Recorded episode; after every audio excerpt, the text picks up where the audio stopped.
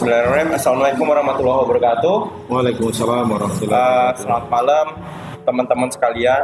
Uh, terima kasih dan kali ini Banua Entrepreneur menghadirkan salah satu praktisi syariah ya dengan praktisi bisnis syariah dengan Bapak Hamdan dan juga beliau kebetulan salah satu founder properti Samara Alam Raya Pro- Propertindo yang ada di Kabupaten Berau. Nah, sobat muda yang ada di kawasan Kabupaten Berau maupun di luar yang sekarang lagi uh, menyaksikan di live eh, di Instagram dan kemudian juga kita ada Zoom meeting, kemudian ada juga Google Meet yang gabung. Thank you banget sudah ikutan ya yang ada di Google Meet, kemudian yang ada di Zoom mungkin. Dan kebetulan pada session kali ini spesial banget kita bisa mendapatkan sharing ilmu dari Pak Hamdan selaku praktisi uh, bisnis syariah. Dan saya pribadi tidak mengetahui ya Pak ya mungkin uh, tema kita Pak ya pada malam hari ini disrupsi dengan bisnis syariah sebuah kolaborasi digitalisasi berbasis syariah. Kenapa tidak gitu? Nah kenapa kemarin kita mengangkat model uh, tema ini? Salah satu latar belakangnya adalah uh, kita nggak tahu dengan disruption yang sekarang sudah banyak digulirkan di dunia bisnis dan manajemen ya tetapi uh, para apa uh, perspektif lain dalam sisi bisnis syariah kita bisa mengkolaborasikan dan ini nah strateginya apa mungkin nanti Pak Hamdan akan menjelaskan lebih detail nah uh, mungkin langsung saja Pak Hamdan uh, mau perkenalan dulu dan lain-lain bisa langsung uh, share materinya ke kita Baik, terima kasih. Assalamualaikum warahmatullahi wabarakatuh. Waalaikumsalam warahmatullahi wabarakatuh Bismillahirrahmanirrahim. Eh, Alhamdulillah sehat semua ya, yang baik di live maupun di tempatnya Pak Saiful, yes Pawon Van Java Pawon Van Java. Ini luar Yes. biasa nih. Rutin beliau mengadakan itu suatu yang luar biasa yang perlu kita apresiasi ya di Kabupaten Berau sehingga menjadikan ajang atau wadah buat eh, kita menggali ilmu dan berbagi ilmu kemudian berbagi pengalaman ini lebih kepada permintaan Pak Saiful kita diskusi bulan lalu ya Ya, bulan Pak. lalu diskusi tentang bagaimana supaya salah satu dari bisnis Pak Saiful ini apa Um, di rumah aja ya di, bukan Pak. Jadi Apa? kemarin sempat membuat salah satu platform, platform bisnis Nah. online Sembako Aja. Nah, Sembako Oh, Aja ini kan Aja, ya. terintegrasi dengan uh, mobile payment dan lain-lain. Ya, dan ya, ya. itu mengharuskan kita sebagai sebagai seorang muslim ya, bagaimana Ya. mendesain itu bisa ya Bisa. aman dunia dan akhirat gitu lah, Pak. Baik, baik. Materinya agak berat, memang permintaan Mas Bul agak berat juga. Cuma kita coba kemas, mudah-mudahan bisa menjawab eh, apa permintaan Pak Saiful ya. Yes. Dan pertama saya juga mohon maaf nanti karena materi ini adalah materi yang jarang ditemui. Yes. Jarang ditemui, kemudian bikin sakit kepala mungkin nanti bikin pusing. bikin stres gitu karena jarang ditemui baik itu di masjid juga jarang di dalam khutbah juga jarang ini khutbah-khutbah Jumat ataupun di pengajian-pengajian sangat jarang dibahas tentang eh, masalah bisnis. Kenapa? Karena memang saat ini kita eh, nanti bisa sambil jalan kita jelaskan ya. Iya. Kemudian disrupsi dengan bisnis syariah, sebuah kolaborasi digitalisasi berbasis syariah, kenapa enggak? Saya coba kemas, mudah-mudahan bisa menjawab eh, permintaan Pak Saiful. Di slide berikutnya, oh ya, perkenalan dulu mungkin ya, perkenalan. Perkenalan dulu, Pak. Sa- balik dulu. Saya Hamdan ya. Hamdan di Berau itu dua kali ke Berau. Tahun 2000, kemudian 2005 keluar, balik lagi 2008 sampai sekarang. Kemudian berbisnis syariah ini panjang kisah ini. Jadi saat ini eh, kami bergerak di bidang perumahan. Ada dua lokasi, yaitu Mahoni Residen, Ebony Residen, itu di Jalan Kedaung, kemudian Mahoni Residen di Jalan eh, Harapan Satu Sambaliung. Kemudian selain itu bisnis syariah kami bimbel. Mungkin kalau ada anak-anaknya atau saudaranya bimbel bimbingan belajar kuantum. Oke, kuantum ya, itu Pak ya. kuantum itu konsep syariah murni. Itu kita juga yang punya. Jadi ada dua sempat ada dua. Kemudian karena pandemi ya belajar dari rumah sehingga kita coba kemas. Ya, cuma belum bisa jalan.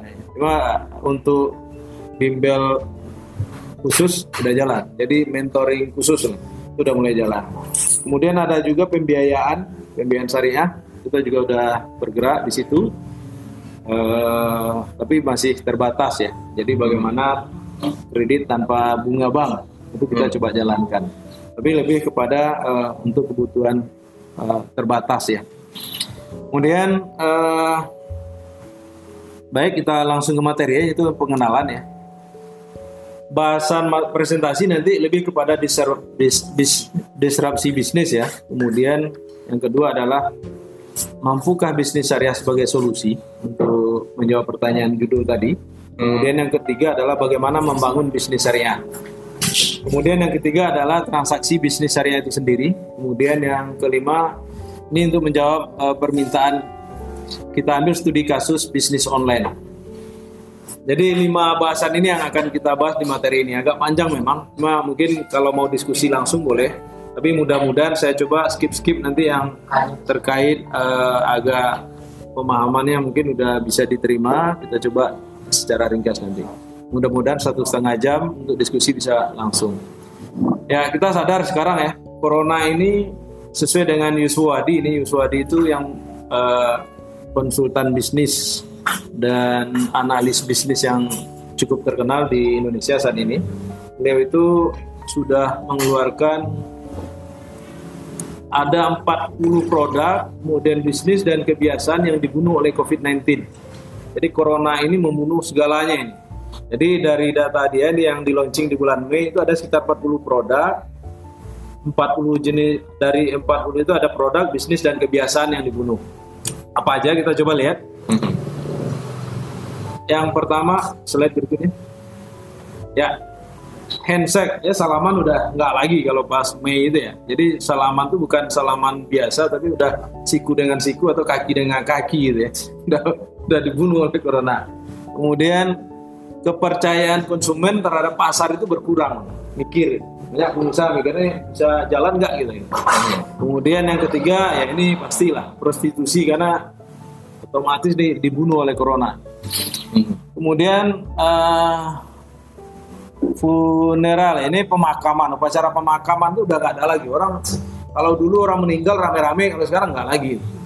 Nggak mikir kan wah ini meninggal corona. Ini enggak nggak nggak hadir. Kemudian mudik kemudian pemilihan umum ya ini nekat aja nih sekarang. Mudah-mudahan aman aja lah.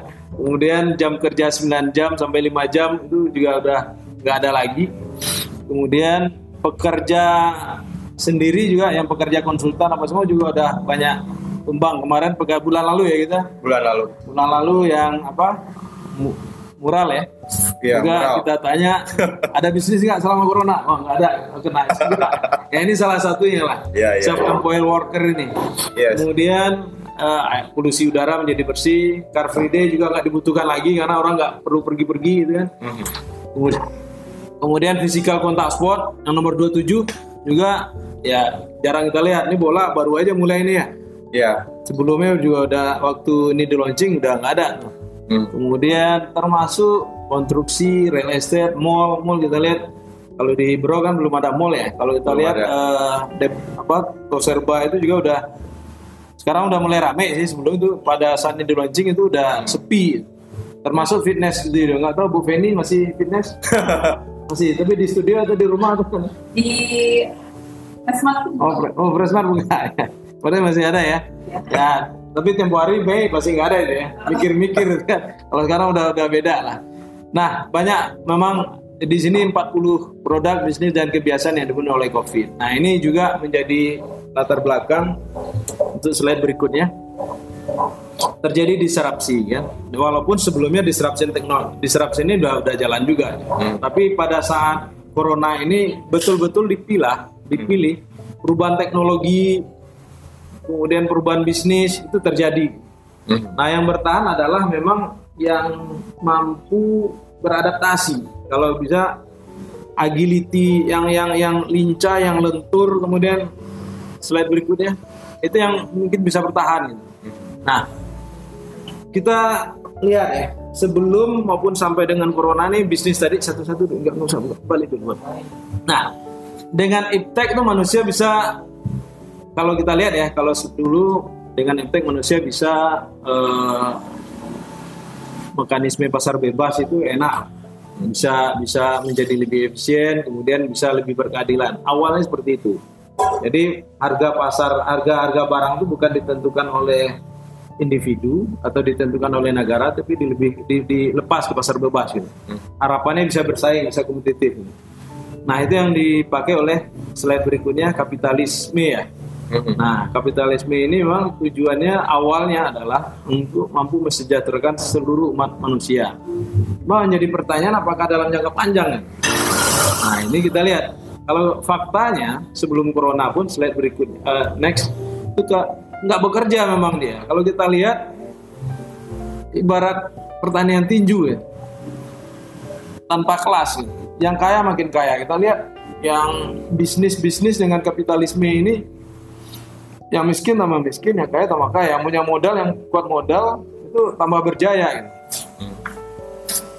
Kemudian beda dengan di bawah, ya bawah itu seluruh aset produksi itu individu dihapuskan, itu milik negara semua. Jadi keadilan ekonomi akan tercapai, penindasan ekonomi akan terhapuskan kalau semua dikelola oleh negara.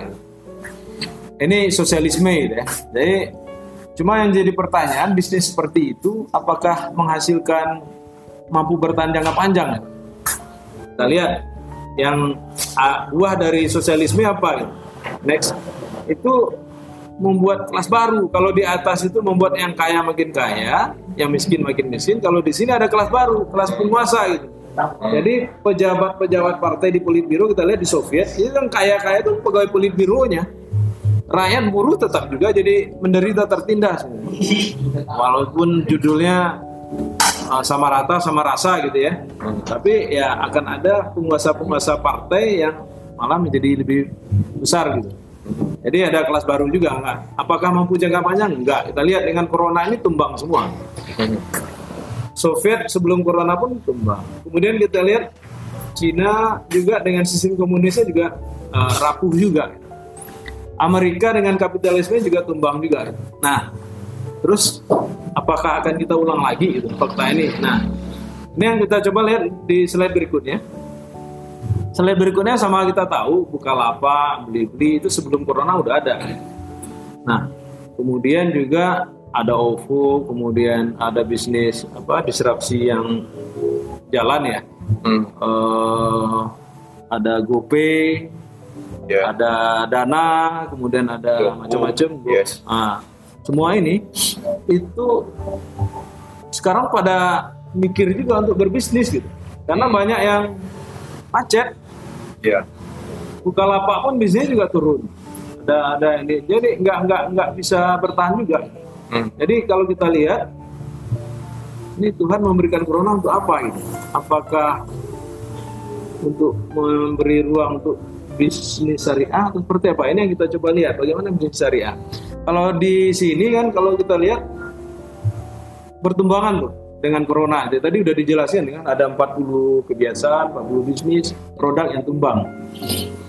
Nah, apakah masih tetap pakai bisnis kapitalisme atau sosialisme ya? Nah, ini hmm. terus yang jadi pertanyaan apakah syariah bisa jadi solusi? Hmm. Kalau kita lihat di next berikutnya, zaman nah ini mampukah bisnis syariah sebagai solusi masa udah zaman canggih serba digital mau kembali ke zaman onta gitu ya hmm. apa mungkin gitu nah coba next. Nah apakah masih mungkin relevan nyambung? Apakah mampu mesejahterakan dalam jangka panjang? Kalau kita lihat tadi bisnis kan nggak bisa jangka panjang tuh. Ya yeah. nah oke okay, kita lihat solusi mungkin syariah. Kita coba lihat di syariah. Bisnis membangun bagaimana membangun bisnis syariah? Bisnis syariah itu kita lihat ya apakah main sikut atau apa pun itu nggak nggak dibenarkan dalam bisnis syariah. Jadi ada tantangan memang. Jadi kalau kita lihat bisnis syariah itu udah ada aturannya. Karena bisnis itu kalau nggak punya pondasi yang kuat, nggak punya bangunan bisnis syariah yang kuat, itu bisa ya seperti di gambar tuh kalau nggak dibui di sebelahnya itu neraka kan itu. Jadi kebutuhan manusia yang beriman itu ya sekarang kita lihat semakin tinggi ya. Hmm. Coba lihat masjid udah mulai rame itu. Uh, jadi kebutuhan untuk kembali syariah itu tinggi memang. Hmm. Jadi bisnis syariah itu betul-betul kebutuhan manusia beriman. Kenapa kebutuhan manusia beriman? Next, itu pasti memuaskan akal dan menenteramkan hati. Gitu. eh, maksudnya begini. Jadi apa pun eh, logikanya dalam bisnis syariah itu pasti memuaskan akal dan menenteramkan hati. Kalau bisnis di next bisa terjawab gitu. Karena memang bisnis syariah itu tujuannya bukan hanya untuk untung rugi, tapi juga terkait surga dan neraka. Nah ini jangka panjang kan? Karena sesuai syariah nggak nggak sesuai syariah ini kalau nggak penjara neraka gitu kan? Nah ini harus kita berpikir panjang kita. Jadi di next, nah apa saja tantangan bisnis syariah? Kan tadi eh, ada tantangannya mudah atau sulit membuka bisnis syariah. Tantangannya apa aja? Jadi kita harus lihat apakah hukum syariah itu masih relevan nggak untuk saat ini. Itu kita harus gali dulu.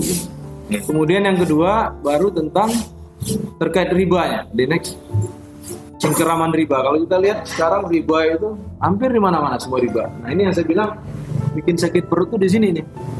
Cengkeraman riba. Terus yang berikutnya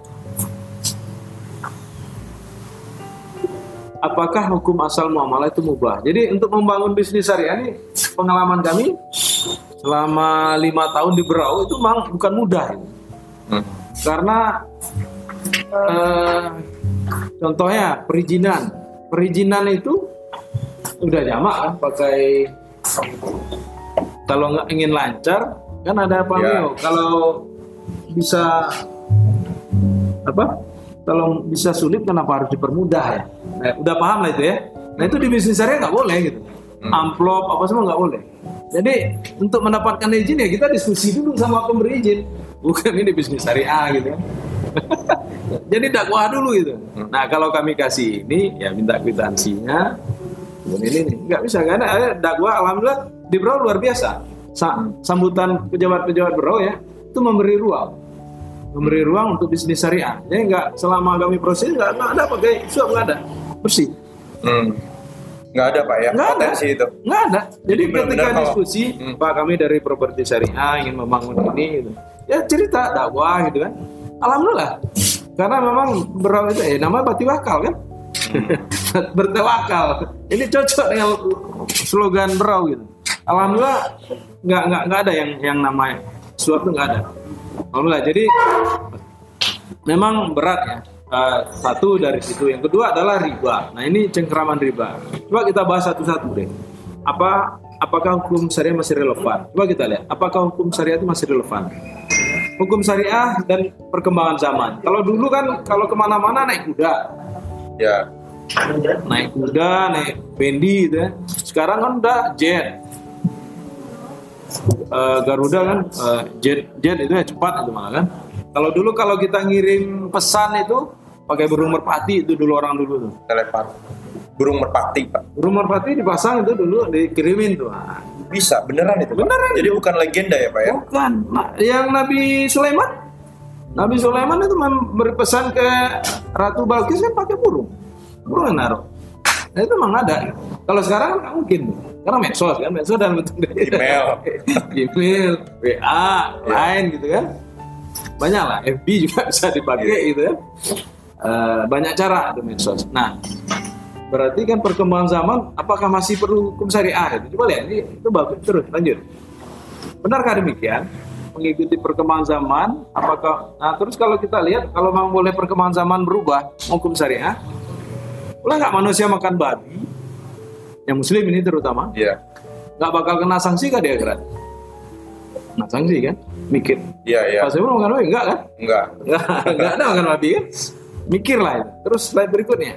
Jadi artinya walaupun zaman udah maju makan babi tetap haram gitu. Kemudian demikian juga minuman keras, bangkai, makan bangkai, minum darah gitu, berjudi, kemudian menyembah berhala atau memberikan makan untuk berhala, kemudian mengundi nasib, kemudian zina itu juga terlarang sekarang kan. Walaupun zaman udah canggih, tapi walaupun ya kita lihat zina masih maaf maaf nih masih tinggi juga tingkat aborsi di di bukan hanya di Indonesia ya di dunia ya. Minuman Iya. keras kita lihat miris kita melihat anak-anak muda sekarang minum minuman keras. Walaupun dia tahu itu haram gitu. Tapi artinya secara hukum itu masih berlaku.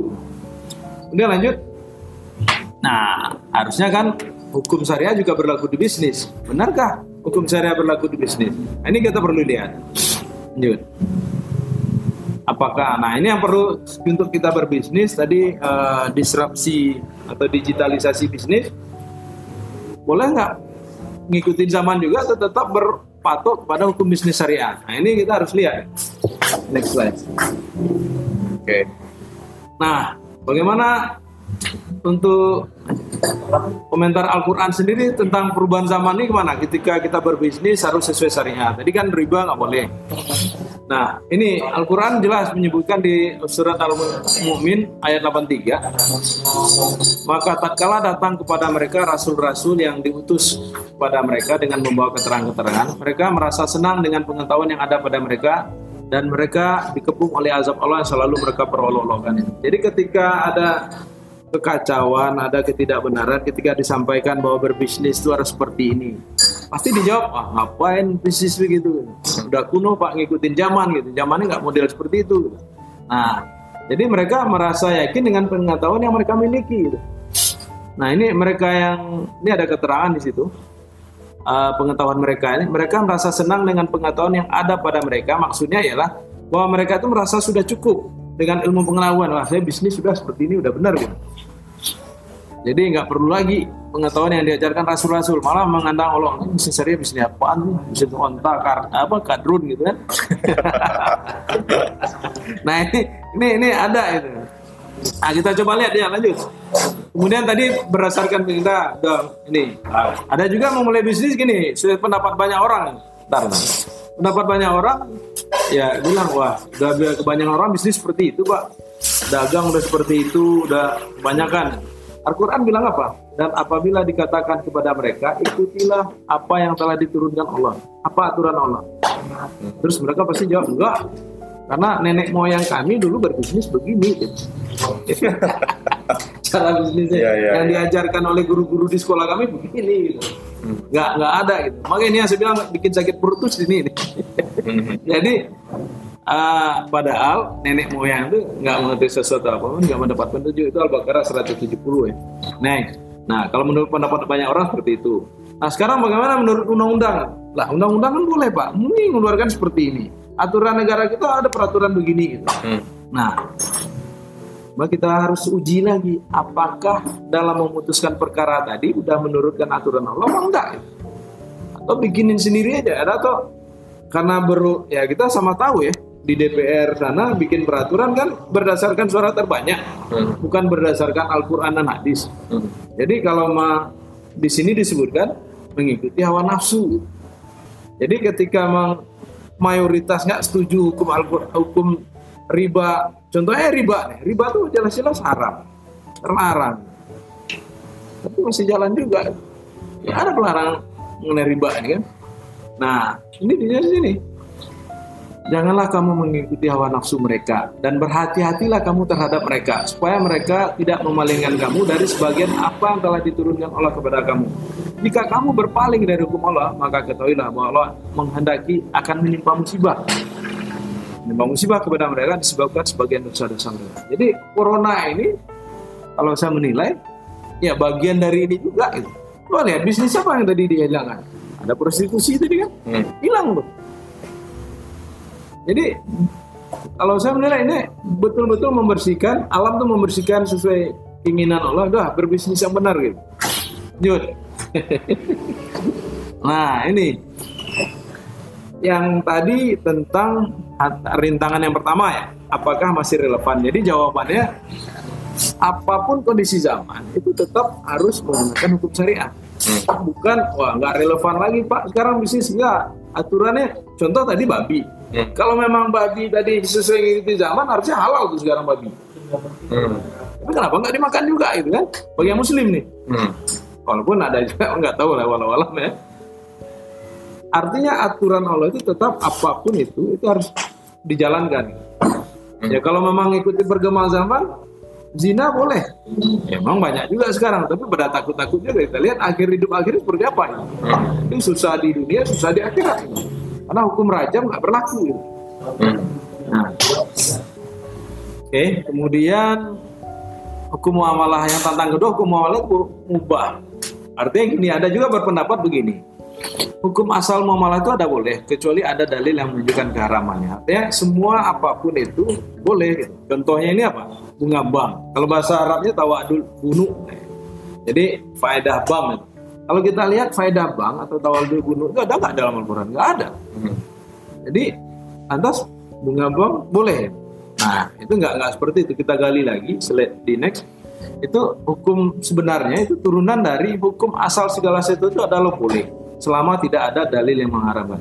Ingat itu, hukum asal segala sesuatu. Jadi bukan hukum muamalah sebenarnya. Hukum segala asal segala sesuatu itu artinya benda.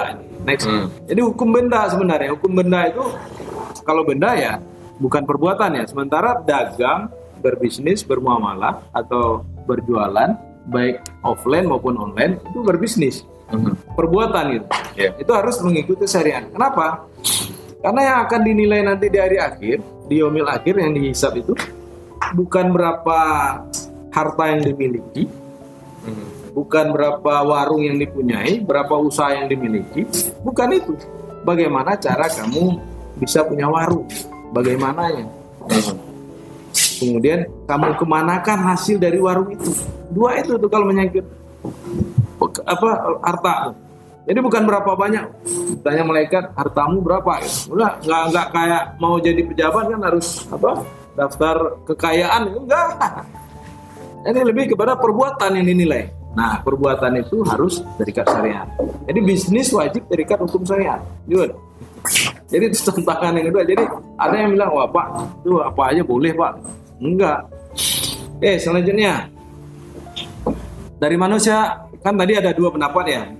Bi- Bisnis muamalah itu boleh. Sepanjang nggak ada yang mengharamkan. Kemudian yang sebenarnya adalah eh, muamalah hukum asal perbuatan eh, hukum asal benda itu boleh. Sepanjang belum tidak ada mahram sebenarnya asal itu adalah ke benda bukan ke perbuatan kan ada dua ambigu. Nah selanjutnya kita harus memperoleh yang pasti itu mana kita cek dari Al-Quran. Fungsi Al-Quran apa ya?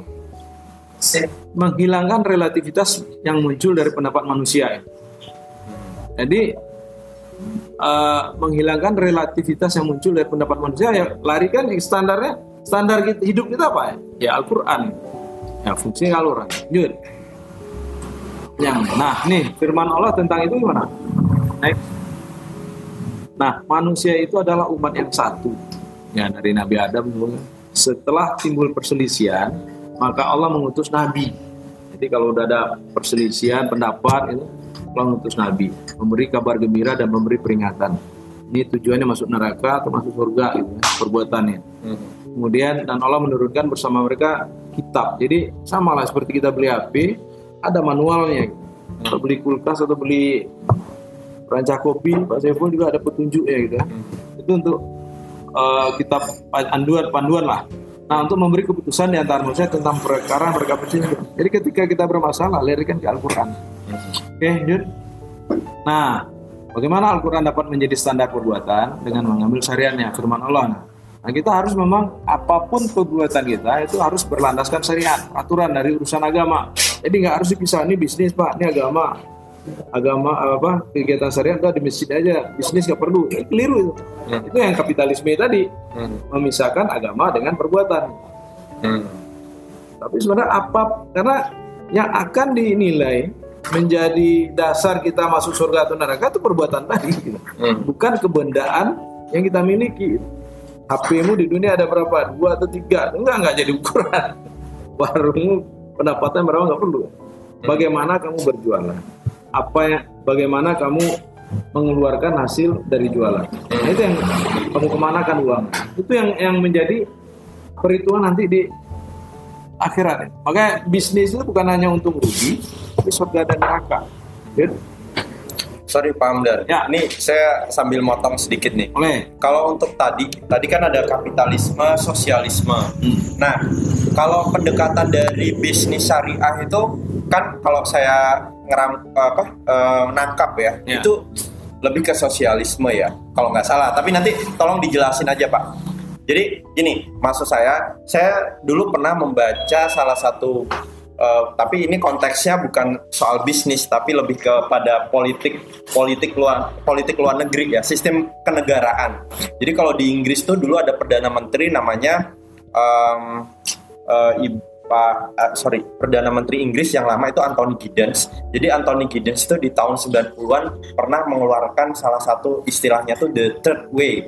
Eh, the third way itu ada- adalah jalan ketiga. Jadi sistem pol- politik kan yang eh, ada yang sifatnya kapitalis, kemudian yang kedua saya Sosialis. sosi- sosialis. Eh wait, ada kapitalis, komunis, kemudian ada sosialis. Tapi koreksi ya, saya udah lama banget Oke. baca buku itu waktu zaman masih sekolah dulu. Jadi ada istilahnya sosialis, tapi itu konteks politik, paham dan. Nah Jadi ini lo- adalah konteks bisnis. Nah kalau konteks bisnis sosialis berarti yang saya tangkap adalah seseorang uh, pelaku bisnis, tetapi bukan hanya earn money, tetapi juga bagaimana dia bisa berkontribusi buat uh, kemaslahatan masyarakat gitu. ideologi itu termasuk ideologi politik, ideologi bisnis. Nah inilah pintarnya eh, apa musuh-musuh Islam lah ya kalau saya bilang ya untuk mengaburkan, untuk memisahkan. Kalau di demokra- eh, yang tadi yang kapitalisme itu lebih ke demokrasi. Mereka Ya. memisahkan agama dari kehidupan. Ya, Ya. Jadi agama udah cukup di masjid saja atau di tempat-tempat ibadah. Kemudian yang bisnis ya udah tergantung manusia ngatur ya itu tadi pasar bebas tadi. pasar bebas. Oke, itu yang kapitalisme. Ya. Nah, yang kedua adalah sosialisme. Sosialisme ini komunis. Hmm. Oke. Sosialisme ini komunis. Yang tadi bilang, udah semua diatur oleh negara. Kita sama rata, sama rasa. Apalagi sama apa lagi tuh? Sama rasa, sama rasa, sama Pokoknya sama sama sama sama semua. Jadi harus seragam semua gitu. ya ya ya. Tapi itu juga menciptakan tadi kan slide berikutnya menciptakan kekuasaan baru gitu. Kelas-kelas baru gitu. Yang rakyat di bawah tetap ya sosialis. Ya ya sama rata sama rasa, tapi pemimpin partai atau politbironya itu kaya-kaya. Itu nggak benar juga gitu. Memang yang rakyatnya, yang pekerjanya memang sama rata, sama sepeda sepeda, baju baju seragam, sepatu sepatu nek nek, sepatu sepatu, sepatu. Itu itu yang sosialisme. Tapi Islam nggak seperti itu. Oke. Itu kalau Berarti gini. akan panjang lagi. Berarti gini Pak, sorry, kalau sosialisme berarti ada strata di dalam di situ ya, terbentuk strata, strata. Sosial. baru, coba lihat slide yang tadi, yang go go slide aja coba. Nah, Nih ya, yang di slide ketiga atas lagi. Nah, ya, nih kita ya. lihat tuh ya. Tuh. Ya, selesai, selesai itu. Nah, coba kita lihat di yang terakhirnya. Ya. Nah, kalau pasar bebas itu yang kapitalisme, kita sama-sama lihat lah. Yang paling kaya itu berapa orang aja itu. Hmm. Bisnis apa aja dia modalin sama dia. Akhirnya uang berkumpul sama dia. Yang kaya makin kaya gitu. Oke. Yang miskin makin miskin. Contoh, tabung di bank, berbisnis, beli sesuatu, riba, kumpulin ke bank, bank siapa milik? Lari atas juga. Hmm. Nah, kalau sosialisme beda. sosialisme itu ya memang contohnya aset produksi di nggak individu nggak boleh itu dikuasai negara semua jadi masing-masing rakyat itu dibagi sama rata Hmm. jadi semua dikumpulin pendapatan negara kemudian dibagi ke masyarakatnya cuma yang di bagian ke negara pengelola ini yang pemilik partai ini mereka kaya tuh ada kelas baru Hmm. yang buruh tetap buruh juga gitu. Oke. Nah, Islam nggak seperti itu. Islam Oke. lebih dalam. Cuma nggak cukup kita bahas kayaknya. Oke. Kita lanjut ke sini ya Pak ya. Ya. Waktu Nah, kita ini eh, waktu presentasi 10 menit lagi ya Pak. 10 menit lagi. Ini riba saya nggak bahas panjang ya. Coba Nah. kilasannya ini riba tadi ya sekarang ini apa bisnis? Pak Saiful mau buka bisnis kurang modal cari duit ke bank kan. Hmm. Kemudian mau beli apa-apa kalau ini bisa butuh motor atau kendaraan leasing gitu. Hmm. Nah, benar boleh nggak bisnis seperti itu? Nah, memang hadis menyebutkan bahwa siapa saja yang apa memakan riba, eh, saat ini itu akan ada suatu masa siapa saja yang berusaha tidak memakan riba, tapi dia akan tetap kena debu riba. Jadi memang sulit menghindari riba saat ini. Contoh kita nyimpan uang di bank aja udah dikasih bunga gitu Hmm. Itu kan riba juga walaupun sekarang udah ada yang wadiah tanpa bunga. Slide berikutnya ya, saya kelas-kelas cepat ini nah ini yang kunci utama di sini. Allazina yakuluna riba. Ya la yakumuna ila. Slide berikutnya aja deh. Nah ini. Terjemahannya di atas itu potongannya. Orang yang makan mengambil riba tidak dapat berdiri melainkan seperti berdiri orang memasukkan set kemasukan setan lantaran dengan penyakit gila itu Allah menyebutkan di 275 tadi. Lanjut kita kilas cepat aja. Nah kemudian di sini disebutkan kenapa mereka berusaha seperti itu? Bahwa jual beli itu biasa aja. Karena dia bilang ini sesungguhnya jual beli itu sama dengan riba. Hmm. sama aja pak. Nah ini Allah sendiri yang bilang dalam 275 Al-Baqarah. Lanjut. Nah nah ini tegas Allah bilang kalau siapa yang mengambil riba maka orang itu adalah penghuni neraka. Mereka kekal di dalamnya. Hmm. ibaratnya udah kekal di neraka ini. masih juga dilakukan gitu. Lihat berikutnya nah ini yang penting. Ini penjelasan. Ini Rasulullah waktu di Isra Mi'raj kan lihat orang gemuk itu ditanya ada ular berpisah di dalam perutnya? Dia tanya ini siapa nih Jibril? Jawablah mereka adalah pemakan riba. Hmm. itu waktu Isra Mi'raj hadisnya sahih itu ah, eh, di Riwayat Ahmad Ibnu Majah Yuk. Nah bayangkan itu, ini yang saya bilang bikin sakit perut tadi. Nah si motor masih riba nggak? Bangun ini misalnya atau saya masih riba nggak itu? Nah, beli rumah masih riba nggak itu? Hati-hati aja yang tadi. Nah kemudian bagaimana berbisnis syariah? Kita langsung ke bisnis syariah. Bentar, bentar, Eh. bentar. Wait, wait, wait. Pak. Sebentar. Bisnis syariah. Nah kalau ingin, ingin selamat dari riba tadi, nggak kekal di neraka, nggak ada ular, nggak sempoyongan nanti ketika dibangkitkan di yomil akhir. Nah, bisnis syariah gitu. Fondasi bisnis syariah harus kita pahami, kemudian bentuk persuruhan persyariah harus kita pahami. Kemudian Pak Saiful mengaji orang menggunakan tenaga kerja sesuai dengan hukum syariah enggak? Itu jadi pertanyaan nanti. Pak Saiful, kamu gaji orang sesuai dengan hukum syariah enggak kamu lakukan itu? Diatur itu. Kemudian permodalannya ya itu yang dibahas ya. Kemudian transaksinya juga yang dilakukan. Ini ada jual beli, alba itu jual beli. Kemudian jual beli pesan. Sama istrinya juga pesan. Samsara itu maklar lah. Ran, sirkah itu kerjasama bisnis. Ijarah juga oh, ijarah itu ajir, memperkerjakan orang. Wakalah. Kemudian yang sekarang kalau kita gunakan GoPay misalnya, Hmm. Gojek, kita titip itu hadiah. Hmm. Wadiah itu kalau ada bonus, nah itu jatuh ke riba. Karena definisi riba setiap ada tambahan dari pinjaman atau titipan itu riba. Hmm. Kemudian GoFood, GoPay semua apa atau apa pun itu Intinya gini, Pak Hamdan. Mobile payment dalam bentuk apa pun selama itu saat ini kita masih modelnya konvensional, yaitu bagian dari riba. Iya. kan? Iya. Nah, karena apa? Karena di dalam proses uh, mobile payment itu ada namanya fluktuasi uh, apa cash uh, sorry cash money cash money yang tersimpan di dalam e-wallet apa pun lah elektronik itu lah Pak ya. Ah. Nah, itu berarti masuk dalam golongan itu ya, Pak ya. Iya. Jadi harus berhati-hati. Terus apakah riba semua? Enggak. Kita ada ada ada caranya nanti. Ya nggak usah kasih hadiah kan boleh. Nggak usah kasih bonus. Udah titip, titip aja. Kemudian bayar. Saya nggak menyebut, saya salah nama sebut ya. Cuman gini Pak, sorry. Kalau misalkan seperti itu, itu nggak bisa Pak. Memang ada perbankan tertentu yang bisa membuat eh, seperti itu. Tetapi kalau mobile payment sampai sekarang saya belum menemukan Nah, yang itu bisa dibuat situ. statement itu Pak. Nah. yang buat Balik lagi ke kalimat tadi. eh, Pengetahuan yang dimiliki tadi. hmm, Ayat yang tadi. Ketika diajarkan yang mau dipakai syariat atau pendapat orang banyak. Pendapat orang banyak atau kebiasaan tadi kan. Nenek moyang saya nggak seperti itu, Pak. Jadi dulu bisnisnya sekarang nggak seperti itu. Pendapat orang banyak tadi kan. hmm, Mau dipakai syariat atau pendapat orang banyak. Mau dipakai syariat atau pengetahuan yang dimiliki.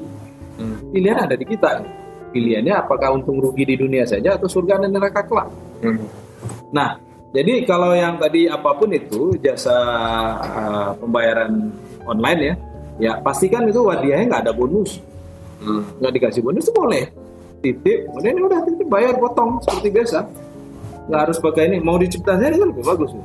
Nah itu awalah pengalian utang, kafalah, daman, atau asuransi juga. Nah, asuransi juga nggak dibenarkan juga gitu. Bagaimana kalau asuransi platformnya syariah Pak? Kan gini Ya, nih, nah. misalkan nih kan kita ada produk insurance saya sebut aja, misalkan Nggak usah sebut nama, nggak usah sebut nama. nggak usah. Hmm. Nah, ya terserah lah bentuknya kayak gimana, tapi platform eh, bis, eh, ininya insurannya syariah. harus lihat lagi dasarnya gitu. Jadi memang kembali lagi hukum hukum berdasarkan undang-undang kan, undang-undang udah dibikin pak ada peraturannya pak. Nah undang-undang tadi larikan lagi ke Al-Quran. Apakah sesuai syariat atau enggak? Kita lihat aja nanti. Hmm. Oke. Jadi acuannya tetap Al-Quran dan hadis, bukan undang-undang. Gitu. Kadang-kadang kan Pak itu udah ada undang-undang dikeluarin Pak, udah ada dari MUI juga padahal gitu, ada di kelompok ulama juga. Ya kita lihat, Hmm. larikan lagi ke sini. Oke. Lanjut Pak. Lanjut. Nah, ini contoh bisnis saya lah. Lanjut deh. Oke, ini bentuk perusahaannya. Kalau kerjasama itu sirka, kalau pribadi ya. Kalau sirka itu kerjasama dua orang, misal saya nggak kuat bisnis, modal nggak kuat. Cari orang pemodal. Misalnya Bu Feni punya modal duit. Hmm. Udah Bu Feni kita bekerja sama deh. Saya punya ide begini, Bu Feni punya duit. Dah, maksudnya itu sirka. Hmm. Jadi sirka dibutuhkan ketika kita punya kelemahan. Misalnya Pak Pandi. Pak Fandi jago marketing. Pak Saiful punya ide, kemudian ada duit, cuma marketing lemah. Dah, kerjasama dengan Pak Fandi. Pak Fandi bagian marketing itu kerjasama, itu bikin perusahaan bersama. Itu Sirka. Oke, lanjut. Nah, Sirka tadi ber, kan tadi utang, utang tuh ya ada aturan nggak boleh ada bunga gitu ya. Investasi tadi ya Sirka. Lanjut. Permodalan seperti itu. Kalau sirkanya atau kerjasama tadi ada sirkainan, sirka abdan. Sirkainan itu eh, sirka eh, beberapa orang dia punya usaha dan dia mau masukin modal dia ngelola Oke. kalau abdan itu sirka badan misal ada jago bikin barang kemudian ada yang bisa menjual berkisah ya saya bukan jualkan Hmm. kemudian kamu bikin barang itu sirka abdan Reseller. Eh, re- Resellernya si produsen gitu itu Pak. bisa Bisa ya. Bisa. Itu abdan ya. abdan boleh Oke. Cuma ya kita lihat lagi nanti kan bagaimana supaya sesuai syariah itu boleh Oke. nanti ya bagian kita bagus lah on- online nanti Hmm. Kemudian sirka mudarabah. Mudarabah itu ada Bu Feni masukin modal, Pak Saiful ngelola. Nah, Hmm. itu sirka mudarabah. Sirka wujud tokoh. Misalnya ada tokoh yang bisa kira-kira kita punya produk, kemudian ada satu tokoh yang ketika kayak dulu ada satu ulama perempuan kan, Ustazah, setiap ceramah kan pasti obat gosok sebut nama merek, nah itu wujud. Kemudian sirka mufawadah, mufawadah itu campur semua yang empat keempat empatnya. Oke, lanjut. Nah, ijarah ini mempekerjakan orang tadi harus sesuai syariah lagi. Hmm. Nah, kemudian lanjut lagi. Kemudian ke tenaga kerja. Nah, ini jadi kontrak tenaga kerja harus bentuk dan jenis pekerja harus jelas, masa kerja harus jelas, upahnya harus jelas di awal, tenaga yang dicurahkan itu apa aja itu harus jelas di awal. Itu harus Oke. clear. Iya. Oke, lanjut. Nah, ini transaksi bisnisnya. Ini jual beli, jual beli Sebentar, kredit.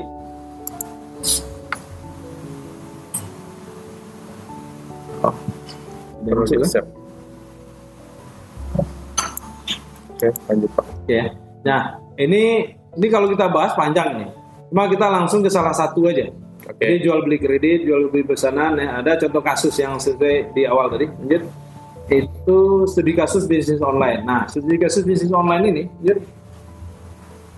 Nah, jual beli atau dropshipping yang seperti Pak Siful bilang tadi ya. Iya. Nah, lanjut. Jual beli drop online itu kan ada dua sistem itu. Yang pertama jual beli online sistem yang jual beli memungkinkan dropshipper menjual barang secara langsung dari supplier atau toko kepada pembeli tanpa harus membeli barang terlebih dahulu kan ya. Hmm. Oke, good. Kemudian dropshipper adalah orang melakukan jual beli dengan dropshipping. Oke.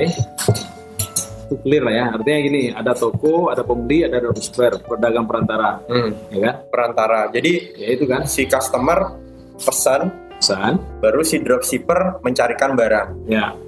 Kemudian ada pembelinya. Ya. Nah, nah, bagaimana mekanismenya? Kita lihat ada dua di situ kalau dropshipping itu. Yang pertama menawarkan secara online, kemudian barang tersebut disebutkan harga dari dropshipper sendiri, gitu. Hmm. ya kan? Harga dari dropshipper. Kemudian ada harga yang ditetapkan oleh toko, gitu. Jadi ada misal dropshipper ini barang, saya belum milikin barang, kemudian saya jual, saya tetapkan harga sendiri, saya pasarkan. Gitu. Sementara barang belum ada di saya nih, Hmm. ya kan? Oke. Itu nggak boleh. Hmm. Tapi kalau barang eh bagaimana supaya boleh? Itu ada yang salam tadi, pesanan. Hmm. Cuma kalau pesanan slide berikutnya lanjut deh. Kalau pesanan itu barang itu nggak boleh dari pemi- kalau yang pertama tadi ya dia nggak punya barang, kemudian ada yang beli, kemudian Mencarikan. mencarikan itu salam sebenarnya. Kalau jual beli langsung itu nggak boleh. Dan jual beli salam ini harus pembeli ngasih uang duluan. Nggak boleh apa namanya bayar ketika barang sampai nggak bisa. Kalau beli salam. Tapi barang harus duit harus dikirim duluan. Kalau duit dikur, uang dibayar duluan itu boleh. boleh. Uang dikirim duluan, baru dropshipper mencarikan. iya itu boleh. Itu yang pesanan namanya. Kemudian satu lagi pesanan tadi yang yang boleh adalah barang tadi nggak boleh dikirim oleh si produsen langsung ke pembeli. Harus ke dropshipper dulu Hmm, dipegang diterima dulu dari Ya, karena- dropshipper yang ngirim gitu betul. Karena akadnya kan ini Pak ya. ini dengan dropshipper pembeli dengan ya si customer. Ah, bukan Oke. antara sini Yes. nah kalau itu Oke. boleh Oke. nah itu rambu-rambu seperti itu lah ini Hmm. yang rambu yang nggak benar itu apa barang milik si ini karena terlarang menjual barang yang bukan kita belum kita miliki itu terlarang itu Iya. sakit kepala kan ini yang sebenarnya Iya, iya. jadi terlarang menjual barang yang belum kita miliki. Jadi tujuan mampir si produsen ngirim ke sini untuk memastikan barangnya sesuai nggak dengan yang pesan itu. Hmm. Untuk menimbulkan goror karena dalam Islam itu pasti ya ya tidak tidak. Kan ada juga nih yang di dropshipper yang dikirim cuma styrofoam aja sih. Habis itu ngotot-ngototan kan? Oh udah ada kok. Setelah ngirim ya. kesepakatan. Oke. Dan saya pembeli merasa uang ini oke.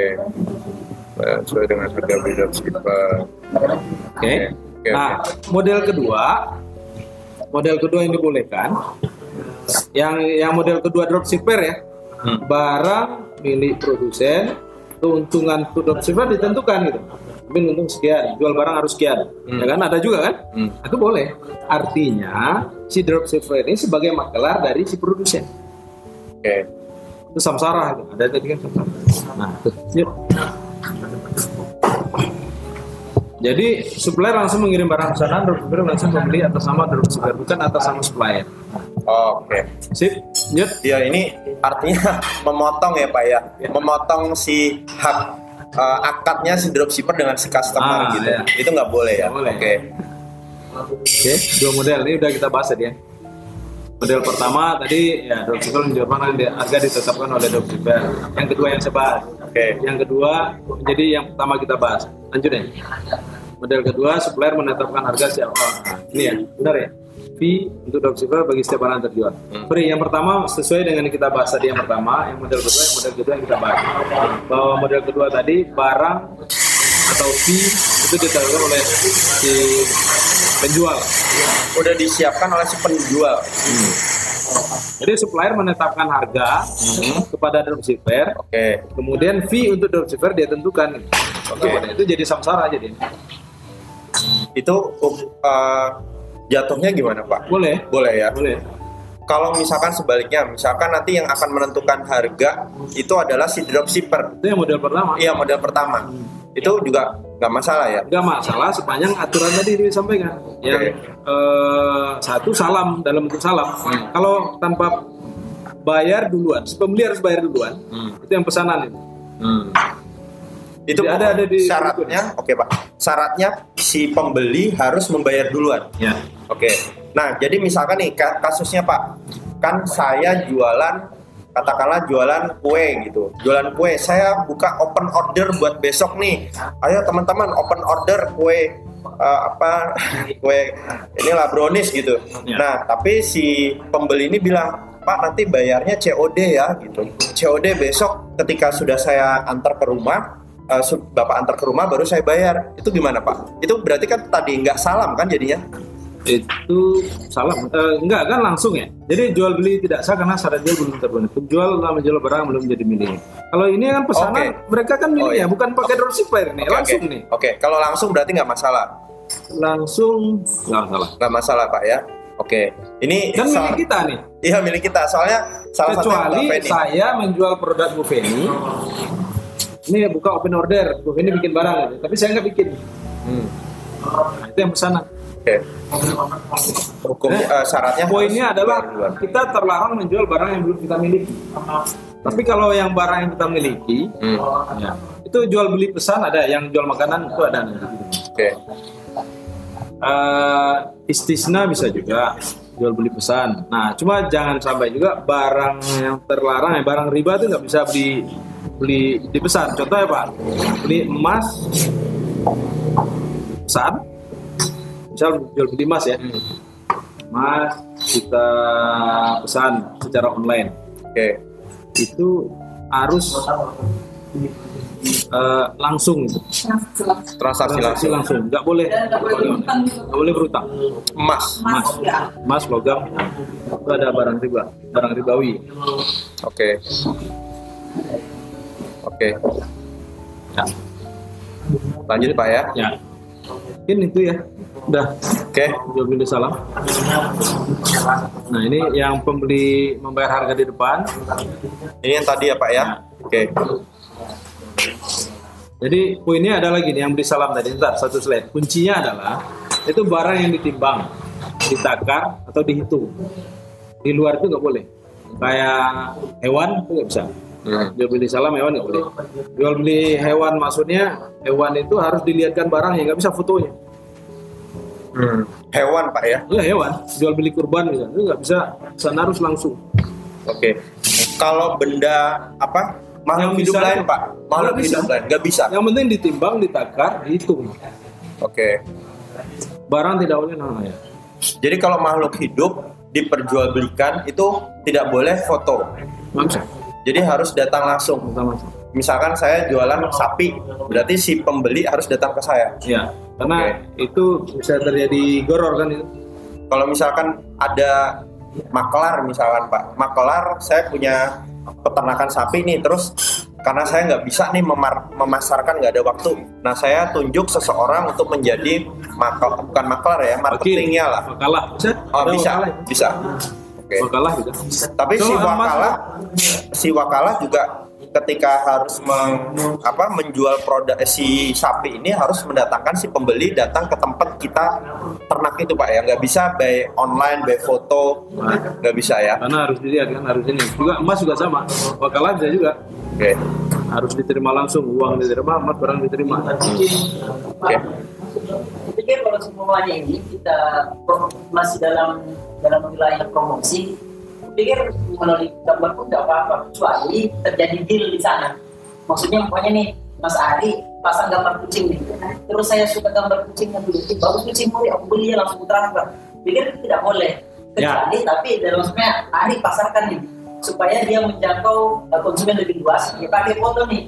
Tapi oh, saya kemudian tertarik, diri kucing bagus aku lihat. kalau dalam Ah, penawaran nggak boleh cuma dalam akad jual beli nggak boleh Ya, ya.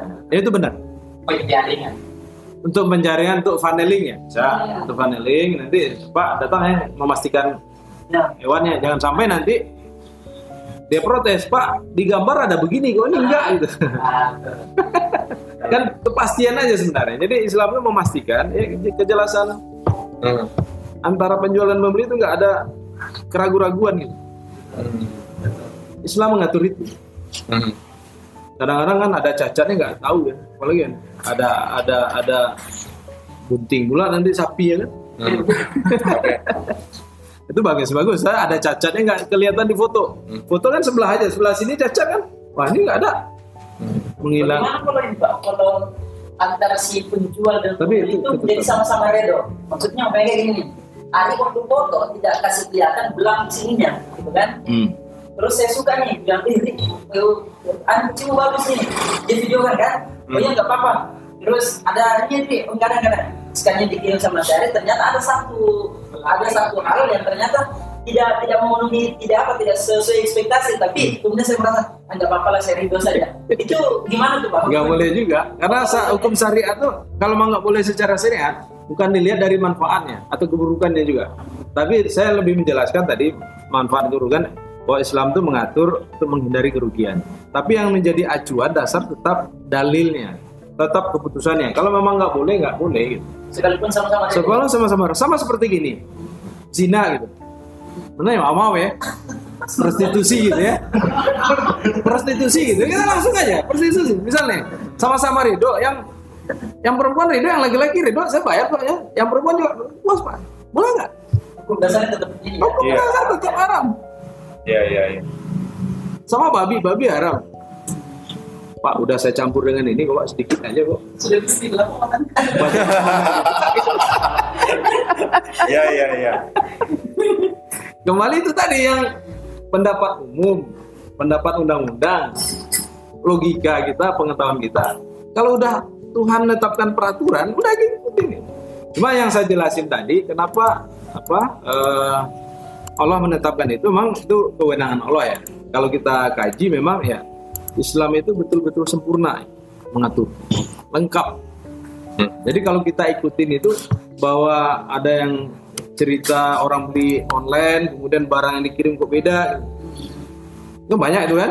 Iya. Saya beli ini kok, ah ini kok begini sih, tipu saya gitu. Ya, dari barang Nah itu maksudnya itu ya. Kalau kita hati-hati itu ada apa dosa apa namanya orang bangkrut. Orang bangkrut itu apa? gitu? Bukan karena rugi secara keuangan enggak. Di akhirat kelak ketika dia menipu orang mengambil harta secara tidak halal itu ditagih. Ketika misal Hamdan masuk surga, Dan Dan tunggu dulu Tuhan, tuh Hamdan tuh nipu saya kemarin gitu. Ditagih pahala saya, diambil pahala saya. Pak, jadi dilarikan ke orang. Misalnya pahala saya nggak ada, dah. Pahala saya udah sedikit gitu, nggak nggak cukup lah membayar yang itu. Dosa orang ini ditimpakan ke saya gitu. Nah, itu yang bangkrut. Bangkrut di dunia sih aman, gitu. tapi bangkrut di akhirat nggak bisa ngapain-ngapain lagi. Jadi makanya larikan semua ke bukan ke manfaat atau kebaikan, tapi hukum syariat seperti apa? Nah itulah kami kenapa kami kembangkan bisnis syariah ini. Gitu. Cuma itu yang saya bilang di awal ini sesuatu yang jarang dipaparkan di pengajian-pengajian. Tapi kalau saya itu ayat Quran semua. Kenapa? Gitu. Nah inilah kita itu harus ngaji. Ngaji kenapa? Sejak kepemimpinan Islam diruntuhkan oleh eh, musuh-musuh Islam, itu yang dihancurkan apa? Ekonomi sama pemerintahan, sama politik. Itu dulu dijauhkan. Kenapa? Karena kekuatan suatu bangsa itu kekuatan ekonomi, kekuatan politik. Contoh, kalau kekuatan politik sekarang, kalau mau menghabiskan riba ke mana? Udah pak, dakwah riba. Seberapa kuat kita mampu berdakwah riba? Tapi kalau udah kebijakan yang menetapkan, oke riba terlarang, nggak boleh riba. Udah semua nggak ada tuh komunitas-komunitas bebas riba bos nggak ada tuh. Karena udah nggak ada lagi riba. gitu. Nah, bagaimana kita selaku muslim ini kembali bisa menerapkan ini, menerap menguatkan ekonomi. Contoh ekonomi ekonomi muslim zaman zaman Khalifah Umar bin Abdul Aziz itu mencari orang yang miskin untuk dibayar zakatnya enggak ketemu. Artinya apa? Makmur itu. Nggak ada orang miskin.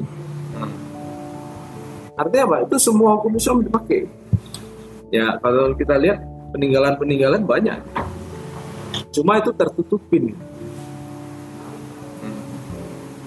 Nah itu tadi. Sekarang kita pilihan apakah berbisnis berdasarkan undang-undang udah ada, berdasarkan pendapat orang banyak tadi, berdasarkan yang apa eh, logika kita atau pengetahuan kita itu pilihan ada di kita. Atau syariah. Oke, Pak Hamdan. Ya. Ini gini, eh, saya melihatnya eh, menarik sekali. Nah, hal yang harus kita buktikan bahwa dan kan kalau dalam membuat sebuah usaha itu ada namanya bisnis model. Mungkin teman-teman ini kebetulan ada Ari, Mas Ari ini eh, beliau foundernya Eco Eco Village yang ada di Batu-Batu Pak dan beliau ngedevelop salah satu kawasan pemukiman juga sih ke mana yang berbasis lingkungan dan sosial. Mungkin nanti dia bisa banyak bercerita lah Pak. Terus Mas ini juga mungkin salah satu timnya sama Mas Ari kan. Nah eh, yang saya lihat adalah Pak kan teman-teman ini banyak yang udah aktif lah ya di apa kewirausahaan. Nah eh, dalam membuat sebuah model usaha Nah, sekarang tuh yang saya inginkan adalah dan mungkin teman-teman teman-teman lain inginkan adalah kita bisa membuat semacam uh, asse- assessment ya bahasanya assessment atau analisa ada dua model nih. Model yang berbasis syariah sama berbasis konvensional. Nah, uh, mungkin simulasi itu yang harus kita milikin. Nah, ketika nanti kita bisa membuktikan bahwa syariah oke, ini adalah persoalan keyakinan ke- a- apa keinginan kita atas keimanan kita lah ya kembali kepada eh, syariah yang dijalankan di agama sebagai seorang muslim misalkan nah yang kedua kita tujuannya adalah menegakkan ekonomi umat atau meningkatkan kesejahteraan masyarakat lah bahasa sosialnya. Jadi ada bahasa spiritual, kemudian bahasa sosial, kemudian yang terakhir sebenarnya terakhir ini harusnya pada tingkatan pertama yaitu earning profit atau mendapatkan keuntungan. Nah, supaya tiga-tiganya jalan, kita harus membuat namanya uh, bisnis analisis. Yang satu platformnya adalah syariah, yang satu adalah konvensional. Nah, untuk membuat dua model ini, kalau konvensional mungkin teman-teman udah udah jago lah ya, bikin struktur biaya pastinya berapa, apa uh, cost fixed costnya berapa, variable costnya berapa, kemudian BEP-nya kapan dan lain-lain. Nah, yang kedua ini Pak, sesuai dengan yang tadi kita bahas, yang bisnis analisis untuk syariah, kalau misalkan next time Pak Hamdan mau nge-share semacam bukan rumus lah ya, tapi semacam hitung-hitungan yang memang uh, ini real ya Pak ya. Mungkin ini secara pondasi dan secara pengetahuan dasar ya pondasi buat dasar kita basic kita mengetahui bahwa konsep bisnis seperti ini reasonnya seperti ini. Oke kita udah dapat nih. Nah sekarang kita pengen punya itu pak model uh, model semacam studi kasus bahwa untuk membandingkan bahwa konvensional uh, konvensional analisis sama syariah analisis itu benar-benar kita dapat nah supaya bisa menentukan poin, pak Nah, gampang aja sekarang. Saya contohin aja perumahan saya. ya. Coba tanya perumahan-perumahan konvensional, ada penjualan nggak ya sekarang zaman covid ini? Nah, saya kurang tahu Nggak ada. Pak. Karena Nggak ada, ya ya. nggak ada pak. Bisnis kami jalan, kami nggak pakai bank. Hmm. FLPP sekarang nggak jalan, Oke. karena bank nggak nggak bank bermasalah sekarang. Apalagi teman-teman Pak Saiful minta penundaan restrukturisasi, Hmm. pusing kepala bank. Kami nggak pakai bank, Iya iya. iya. jalan tuh, tinggal dua unit lagi. Nah, Oke. bisnis model tadi, bisnis model sebenarnya ini, Sirka, bahwa di bisnis syariah itu pun perlu cash flow, apa penghitungan cash flow analisis, iya. Hmm. Jadi saya luruskan lagi bahwa bisnis spiritual sama bisnis kemudian spiritual, aspek spiritual enggak, semua nyatu gitu. Hmm. Setiap kegiatan kita, setiap apa yang kita lakukan, apa yang kita ucapkan, itu bakal dipertanggungjawabkan di jam akhir. Hmm. Jadi nggak ada pemisahan antara bisnis dan spiritual. Hmm. Nyatu. Hmm. Jadi kalau Sirka kerjasama contoh, mohon maaf nih, mod- butuh modal nggak menjalanin eko eko eko village Butuh modal. Modal dari mana? Pribadi. Ah pribadi bagus. Jadi usaha bekerja sama atau sendiri? Sendiri. Ini usaha sendiri kan? Usaha sendiri itu boleh. Nah, usaha sendiri sepanjang itu mampu nggak pakai bank itu bagus. Nah, kalau bisnis model yang mau dikembangkan apa pun bisnis model diakomodir di sini. Hmm. Bahwa bisnis syariah nggak maju, contoh warung SS, Hmm. contoh lagi perumahan banyak perumahan, perumahan ya nggak usah jauh-jauh di Berau aja. Kami juga jalan tuh. Hmm.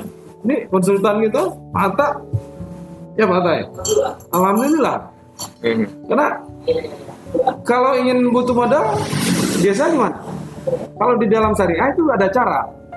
Ada cara, kalau selama ini asumsi kita ke bank, kan mau buka usaha saya nggak ada modal. Wah, saya pinjam ke bank atau pinjam ke lembaga pembiayaan. Hmm. Itu nggak sesuai. Sepanjang kalau dia pakai bunga, pakai denda itu nggak nggak tepat. Nah, Islam udah ngasih solusi. Ada sirka kerja sirka ini kerja sama bisnis.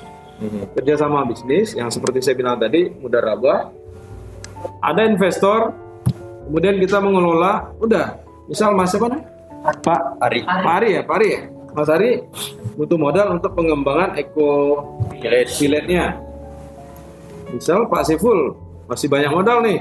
Udah tanam ke sana. Pakai sirka mudah raba Hmm. Oke. Eh, teman-teman ada yang mau tanya? Nah, kalau nggak ada, saya mau tanya lagi nih Pak Hamdan.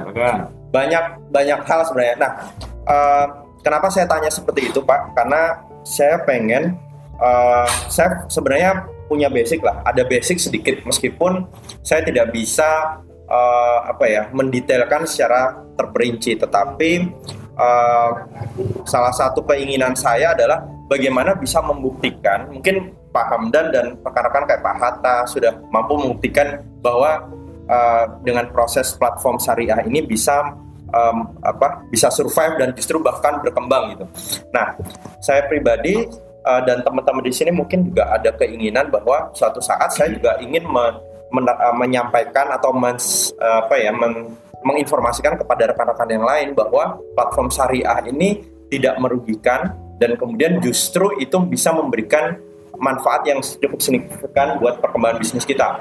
Nah, ke- salah satu keinginan saya yang kemarin saya pernah sampaikan ke Pak Hamdan, saat ini Indonesia kita kenal 4.0, industri 4.0. Industri 4.0 semuanya dilakukan dengan konsep bisnis konvensional.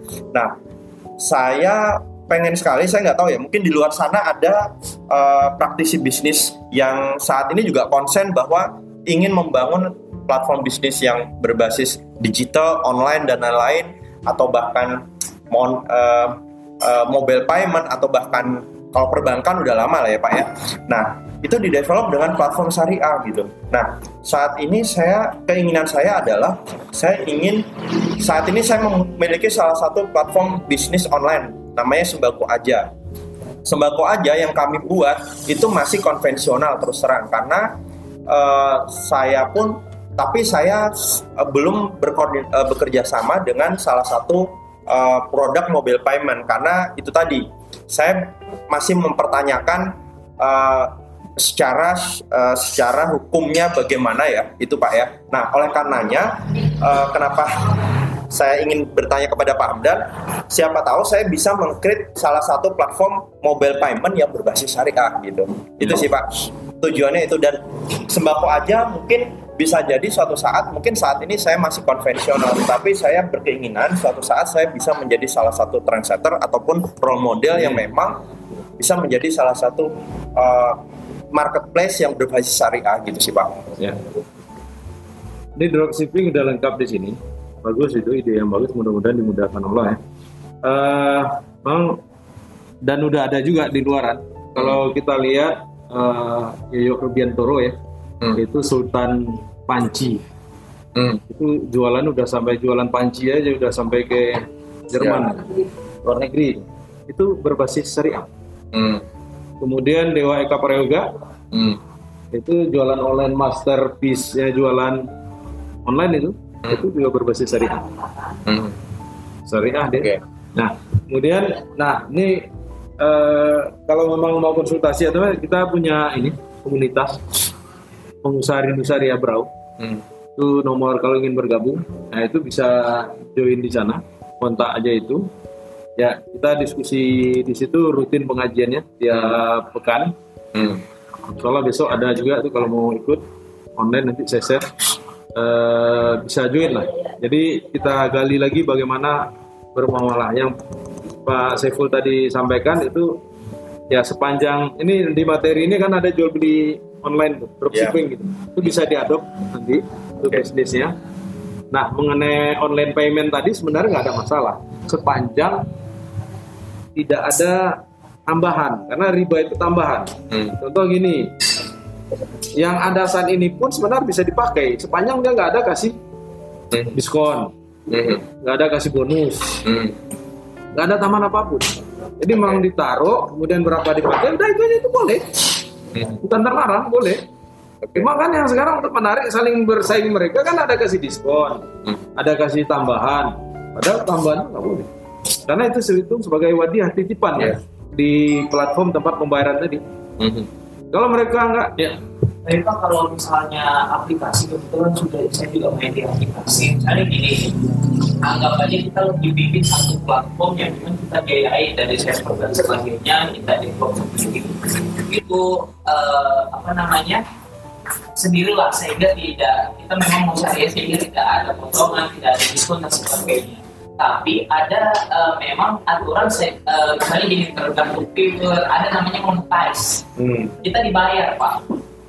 Ditawarkan. Apakah itu boleh? Kita menyediakan platform free. Misalnya kayak tadi ini yang aja sembako aja. Udah nih kita free kan tambahan biaya nggak ada diskon dan sebagainya. Orang pakai. Saking ramenya ini ada orang beriklan sampai ada itu orang yang mau monetize. Maksudnya ini kita dibayar dari traffic. Dari orang keluar masuk dari aplikasi. Dia kan pasang iklan di sana ya, Ah, enggak monetize ini dibayar dari trafficnya kunjungan. Kunjungan. Jadi, Yang bayar? tujuan web. Yang bayar Google biasanya. Hmm, seperti Google. YouTube gitu. Seperti website. Jadi saya punya website gitu eh, website berita. Orang nggak bayar jadi ada platform tapi dia ditawarin itu dimonetize. Jadi dia ngasih kita uang gitu. Sebulan sekian tergantung traffic alur masuk orang karena Hmm. keba- Mana ya tempat pengunjung ya. Iya. ya platform kita Iya. banyak pengunjung ya. iya Itu, banyak itu. pengunjungnya naik Iya. kita dibayar Nah, itu saya belum dapat itu. Nanti saya coba cari dulu ya. ini ya. Iya, iya. Sebelum nyampe ke kalau sana. untuk diskon bisa diatur, oke lah kita free, orang pakai free Iya. dan sebagainya. Tapi monetize itu apakah anggap aja kita nggak dapat kan? dari Iya. Tapi sebenarnya gini, kalau kita punya tempat ya, eh, kemudian sama seperti kemudian kita pasang iklan, ada orang pasang iklan ke kita, kemudian dia bayar, itu boleh. Iklan di Iklan tempat di tempat kita, tempat kan? kita Karena gitu, ibaratnya kita punya lapak, orang iklan aja boleh aja nggak ada masalah, dia bayar gitu. Cuma yang dilihat di Google mungkin karena ini trafficnya tinggi, Yang tinggi kita dapat sehingga bayar. dapat bayar. Saya coba cari dulu ya. Sama kayak sekarang itu youtuber itu bukan lagi tren pekerjaan sekarang. Hmm. Jadi orang bikin konten banyak yang nonton dan sebagainya. Dan itu kan free, maksudnya kita nggak narik biaya apa pun. Tapi YouTube tiba-tiba nawarin ada email masuk gitu selama ini anda sudah mencapai lebar tahun misalnya. Hmm. Habis itu kita ditawarin uang pak untuk Iya. monetize gitu. Iya. Apakah itu boleh buat kita Hmm. sebagai maksudnya fee dari konten kreator Hmm. atau memang itu juga nggak boleh karena nggak tahu asal usulnya dari mana. Kan ibarat dia bayar atas usaha kita kan. Ya. Tapi platform tetap platform dia kan ya?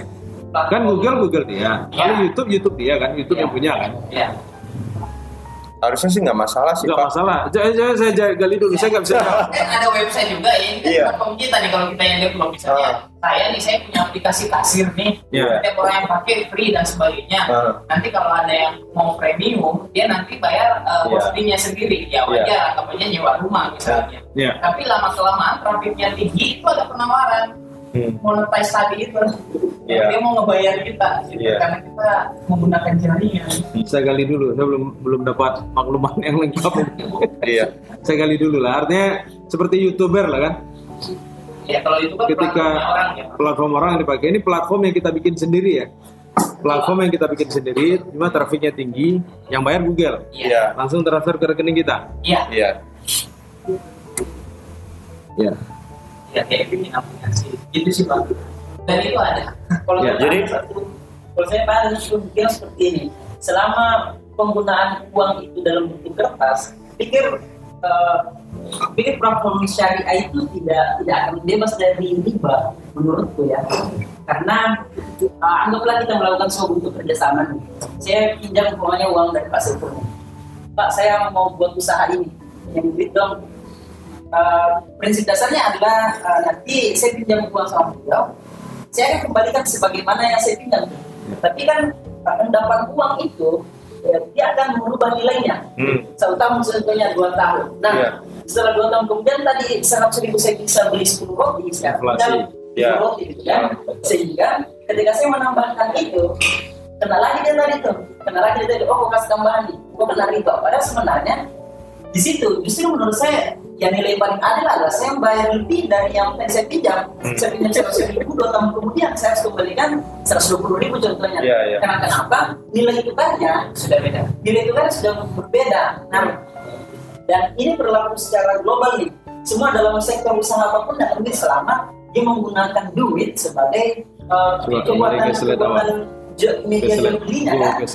Nah, makanya saya suka ikuti tuh ceramahnya Syed Imran Hussein di Ini. YouTube itu. yang bawah lagi bang Dia yang kampanyekan itu penggunaan eh, Emas. penggunaan emas sebagai Dinar dan dirham. bukannya itu. Ya. Kalau saya sepakat pada wilayah itu karena Ya. tapi Ini untuk yang aplikasinya dalam kehidupan kita sehari-hari itu nampaknya sulit Oh, presiden. bawah lagi ini riba yang riba entar itu terkait menjawab itu yang ini. Memang pada akhir zaman kita nggak bisa lepas. Nah ini, sungguh akan datang pada manusia suatu masa ketika tidak seorang pun di antara mereka yang tidak akan memakan harta riba. Siapa saja yang berusaha tidak memakannya, maka ia tetap akan terkena debu riba. Cuma ketika hukumnya, ketika tadi hukumnya adalah kalau Pak Saiful, ini status pinjam ya? Iya. Pinjam. Kalau pinjam berapa yang dipinjam, baik itu kertas ataupun emas, ya sama. Karena itu sebagai alat tukar. Jadi kalau mau 100 juta, kembali 100 juta, nggak boleh ada tambahan. Cuma Islam itu sebenarnya fair. Kalau untuk dipakai untuk bisnis, jangan pinjam. Investasi. Bukan. Sirkah tadi. Investasi ya. Kalau pinjam, Bapak enak, Pak Saiful sakit. Bisnis Bapak berkembang, uang Pak Saiful jatuh di lima tahun, Ya, turun. turun nilainya. Yang beliau sampaikan nilai tadi kan, bukan nominalnya. Hmm. Nominal tetap 100 juta, tapi nilai 100 juta tadi Hmm. bila dikonversi ke emas Hmm. itu udah turun. Nah, makanya pinjam uang itu boleh, cuma dalam kondisi untuk pemenuhan kebutuhan pokok sebenarnya. Kalau untuk bisnis jangan pinjam. Kalau pinjam enak di bapak, nggak enak dia punya duit. Mas sirka itu atau sirka? Nah ini sirka. Sirka itu apa yang sirka? Sirka itu bagi untung, bagi rugi, bagi hasil maksudnya. Jadi ketika bapak berbisnis, artinya Pak Saiful, Pak Saiful, saya ada proyek nih. Ini, kalian mau, sirka mudarabah nggak? Saya butuh 100 juta. Nanti bagi hasil ya tergantung kesepakatan. 20% dari keuntungan bersih usaha ini nanti untuk Pak Saiful. Jadi 100 juta dikembalikan tetap modalnya ketika udah sirka selesai. 20% dari keuntungan bersih itu ke Pak Saiful. Nah ini menjawab, ya? Hah? Bonus hitungnya. kan kerjasama dan Pak Saiful juga mengaku bahwa bisnis yang Bapak jalankan itu bisnis Pak Saiful Kerjasama jadi. kerjasama sama. Kayak saya dengan sekarang Quantum. Quantum tuh sirka mudarabah saya dengan Ustadz Johan. Yang jalankan Ustadz Johan. Nggak ada modal sama sekali beliau. Modal beliau adalah keahlian beliau mengelola bisnis bimbel. Saya pemodalnya Nah, nanti bagi hasil. Setelah beberapa bulan berjalan, udah itu bagi hasil.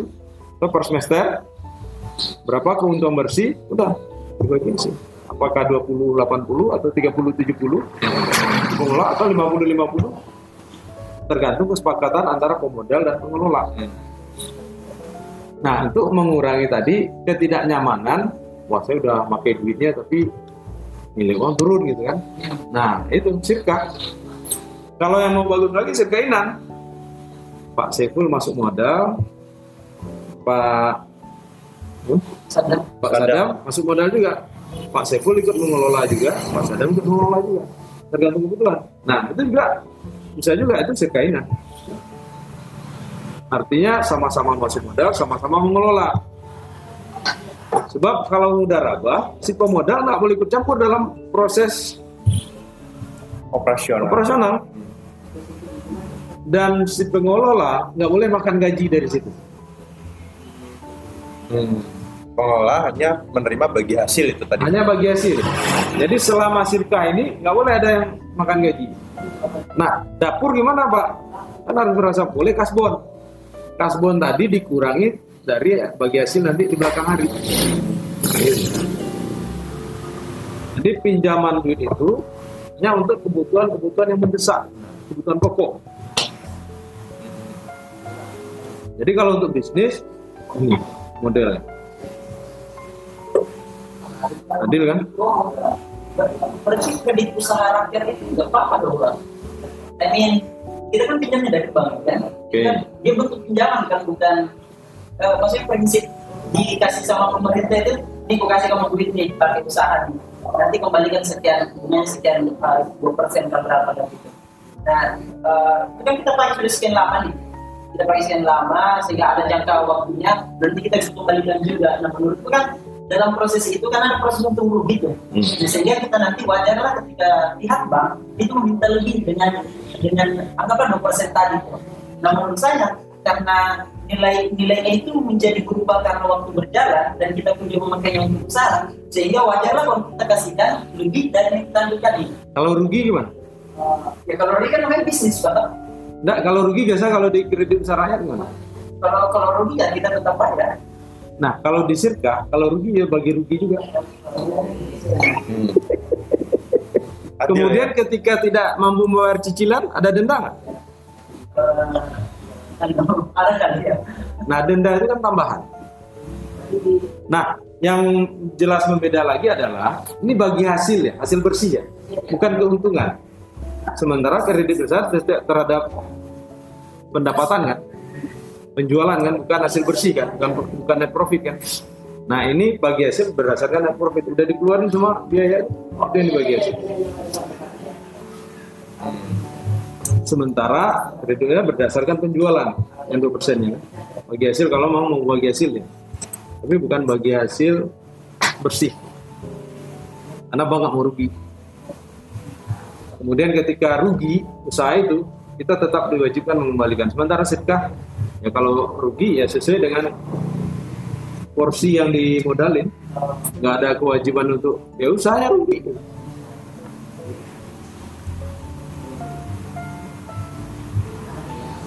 indah kan sedekah Insya Allah. Kalau bukan sekali sekali apa sekali amat, nanti sekali amat dulu. Nah Iya. itu, nah separuh-separuh itu yang bahaya. Itu tadi ya, pengatakan tadi.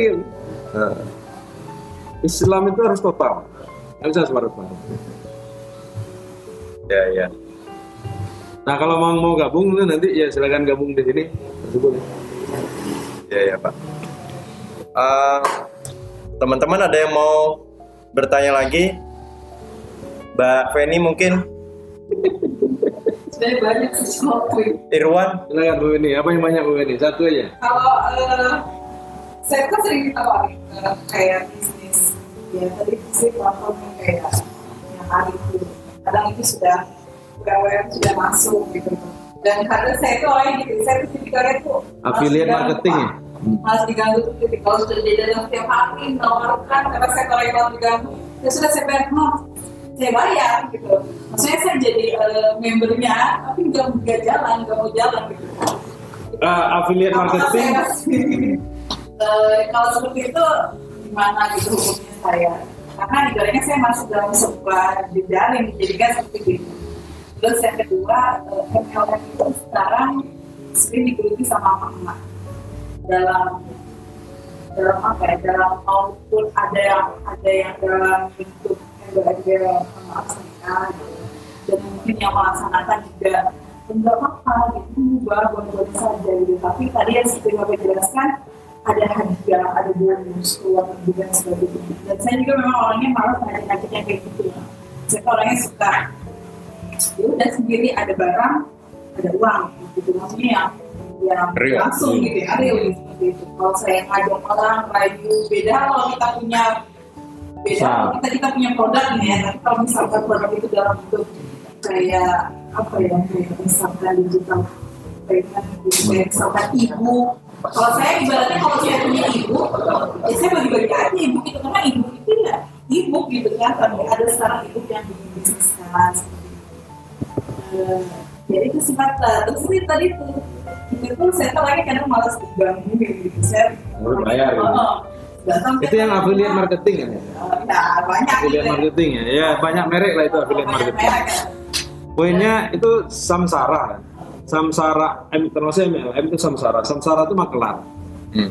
makelar kan makelar gitu kan makelar makelar ada platform makelarnya ada produk makelar Hmm. nah makelarnya itu di bisnis tadi ada juga tuh tentang hukum syariah mengatur tuh yang itu agak just jadi bisnis yang bisnis syariah. Ini nih Pak. enggak bisnis syariah. Yang ada tabel fondasi kemudian ada bisnis syariah kemudian ada jenis transaksinya. Itu ada samsara. Samsara itu tidak boleh di atas samsara gitu. Karena samsara atas samsara ini barang ini bukan milik dia. Ya. kemudian ada lagi agen lagi makelar lagi. Jadi makelar sama makelar gitu. ah tuh, ya online online makelar itu nggak boleh. Harus langsung satu aja kenapa? Karena terlarang menjual barang yang belum milik kita nih. Itu ada samsara kan yang nomor 4 itu dibahas di samsara. Sekarang lebih kayak model bisnis sate kan. Nah itu sampai ke bawah. Gitu. Gitu, Nah, itu macam-macam. Gitu. ya MLM di orang MLM pun disebut MLM nggak mau sekarang ya network Hah? networking Iya. nggak mau disebut MLM karena memang sebenarnya Tapi mereka kenapa ada yang benar-benar yang bisa ini saya ada dari MUI, ada dari apa-apa yang Iya, itu kenapa? Maksudnya kenapa bisa keluar itu? ya betul saya juga tadi Legalitasnya itu sampai ada dan dia perlihatkan tanggalnya, registrasinya berarti udah pernah diproses sebelumnya. Bahkan mungkin oleh itu tadi pendapat undang-undang tadi. Pendapat yang undang-undang tadi kan di sini ini. Karena kita ini Kan ada- gitu kan ya undang-undang iya. terus anggapan nenek moyang. Undang-undang ini ya? Karena banyaknya orang kebanyakan sehingga Iya. sesuatu nah karena benar. pendapat orang banyak gitu kan? Ya pendapat orang banyak. Dari ini ya. Nah ini kalau ada dari statement itu tadi ya kadang ada yang melampirkan sertifikat ini kita harus lihat lagi memang. Harus cerdas lagi kita karena ya banyak lah yang berbalut. Contoh aja bunga. Kenapa nggak riba aja? Ganti nama kan? Maksudnya ini dari lembaga resmi loh. Betul. Maksudnya ini kalaupun memang nggak percaya sama lembaga itu kenapa nggak dibubarin aja? Dari Iya, apa maksudnya gitu. Karena mereka tiba ngeluarin nih. Berarti mereka kan ada verifikasi ada uji coba nih karena keluar dong gitu kan. karena karena mungkin- lihat dulu sertifikatnya lihat dulu apakah hanya untuk barang tersebut? Ya. barang tersebut sah aja. Iya. Gitu. ya kan? Atau barang itu dropshipper kan boleh aja. Iya. Mencari agen kan boleh. Cuma ya dipilih dilihat harus detail lagi suratnya seperti apa sih?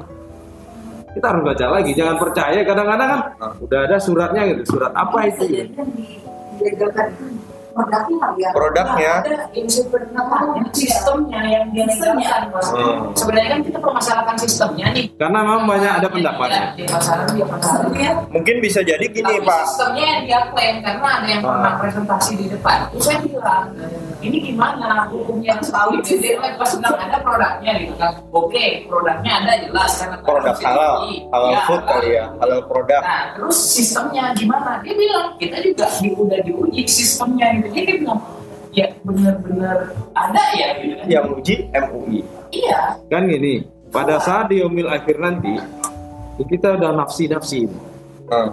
ya kan nggak ada. Pak kemarin itu dia bilang ada sertifikatnya Tuhan. Atau malaikat kan dia lihatkan ke saya gitu kan. Iya, maka iya. kita sebagai muslim itu harus cerdas. Kan kunci di sini nih.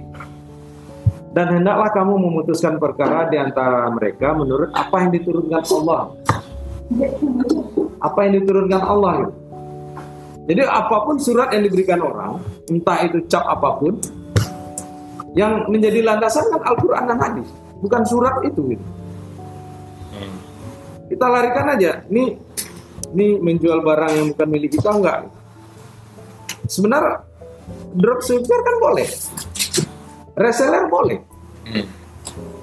menjual online boleh yang nggak boleh adalah nah, itu tadi kan menjual barang yang bukan milik kita untuk dropshipper tadi Tapi kalau memakai pemasaran boleh. Maksudnya ada tim pemasaran punya kita itu kan bukan miliknya. Bisa. Kalau itu ijarah kan? Bisa ijarah Tadi, itu ajir tadi. pegawai kan? Misal Pak Saiful punya sembako aja. Kemudian ada pegawai dia yang memasarkan. Dia bayar gaji itu boleh. Sama seperti distribu apa supply eh, produsen kemudian ada agen ada subagen gitu kan? Ada ke bawah lagi kan? Nah itu kalau semacam ada eh, jual beli putus nggak apa-apa. Atau itu masih dalam rangkaian yang dia gaji sama dia? Sah aja. Tapi yang nggak boleh adalah ya barang itu bukan milik ya tadi makelar memakelari tadi barang belum dia miliki terus dia udah jual lagi udah ada kakinya lagi iya bisa jadi kan. Ah, jadi karena panjangnya rantai akhirnya harga barang itu berlipat-lipat Jadi ini kan lihat nih undang komen undang-undang berdasarkan undang-undang Ah, untuk melegalkan semua dibikin undang-undangnya. Udah keluar nih pak. Tapi pada saat dia ambil hisap nanti, kita nggak bisa berlindung. Pak itu ada MUI-nya kok, ada sertifikatnya gitu. Murah. Kan pertanggungjawaban kita nih, kita harus cerdas. Ini benar nggak nih sertifikatnya gitu. jadi Tapi- makanya Pak Hamdan maaf, kalau untuk maksimum eh, akad itu berapa rantai Pak? Misalkan nih, yang tadi dibilang eh, multi sorry MLM atau sejenisnya lah, reseller. Nah, dari produsen ada reseller 1, reseller 2, reseller 3, karena mungkin tadi di dari Jakarta, Samarinda, Berau, Kelai, kemudian Merabu, misalkan Pak. Itu ada reseller-reseller ke bawah. Itu maksimum berapa kalau di ini Pak? Sebenarnya konsep dasarnya kan terlarang menjual barang yang belum kita miliki. Kalau belum miliki kan ada salam tadi. Ah. Contoh di, di tempat saya, saya menggunakan agen marketing juga untuk menjual rumah saya. Hmm. Bisa sebagai samsara, akad saya samsara itu makelar dengan dia. Hmm. Oke, kamu jualkan, saya samsara. gitu. Nah, dia nggak boleh mencari orang lagi samsara juga. Hmm. Dia rekrut orang samsara itu juga nggak boleh. Hmm. Untuk mengamankan dia, saya akad dengan dia ijarah. Dia jadi orang saya, udah. Atau sirkah saya dengan dia. Hmm. Yang ijarah tadi saya angkat dia sebagai karyawan saya, di, yang saya bayar gaji, kemar gaji. Kemudian dia cari orang untuk memasarkan tim sebagai tim dia. gitu. Itu makelar kan? Jadi makelar itu boleh. Yang nggak boleh saya menggunakan dia dengan akad samsara. Kemudian dia mencari orang lain untuk membantu dia dalam menjualan, dia akad samsara juga itu nggak boleh. Hmm. Oke. Apalagi sampai ke bawahnya gitu kan? Hmm. sampai situ aja nggak boleh. Nah untuk mensiasati untuk mensiasati itu supaya tetap sesuai dengan syariah, saya bersirkah dengan dia bisa juga sirkah abdan. Hmm. Sirkah abdan kan bagi hasil tuh. Iya. Nah dia mencari, kemudian dia angkat karyawan kan, kemudian karyawannya ber, ber- mencari samsara itu boleh tuh. Hmm. Oke. Itu bisa sebenarnya kan. Ini eh, sirkah abdan, ini ajirnya dia mengelola beberapa freelance Ya, marketer. ya, agensi lah Pak ya. agensi Iya. Agensi bukan ya? agensi pemasaran Agensi Cuma harus jelas akadnya dulu, jangan sampai itu tadi akadnya samsara, dia ke bawah samsara juga, samsara lagi itu samsara lagi, Oh iya. Nggak boleh. Oke. Tapi kalau sirka boleh atau ajir, saya angkat dia menjadi pegawai saya, agen itu, itu bekerja sama, saya bayar berdasarkan upah yang tadi, aturan tadi, kemudian dia rekrutlah anak buahnya, Hmm. kemudian anak buahnya ini adalah mengolah freelance marketer gitu kan, Hmm. itu bisa aja. Oke. Ya. yang nggak boleh itu tadi samsara samsara. Ya, ya, ya. Nah menjawab pertanyaan Bu Penny tadi ya balik ke sini lagi aja. Nah kalau kan ada juga tuh Pak kalau apa namanya kita beli barang kemudian kita dikasih kesempatan untuk reseller gitu. Sepanjang barang itu udah kita miliki kemudian kita jual boleh aja. Atau yang pola kedua Hmm. eh, kita ditunjuk dia ditetapkan harga itu bisa. Itu tadi apakah samsara? Samsara pastikan bahwa nggak ada lagi. Kita cari kaki itu samsara juga. Boleh kita jadi karyawannya platform tadi? Itu bisa. Atau bersirka dengan pemilik platform tadi? Hmm. kerjasama. Ya, ya. sirka abdan misalnya. Bisa. Oke. Ada lagi teman-teman yang ingin didiskusikan? Intinya adalah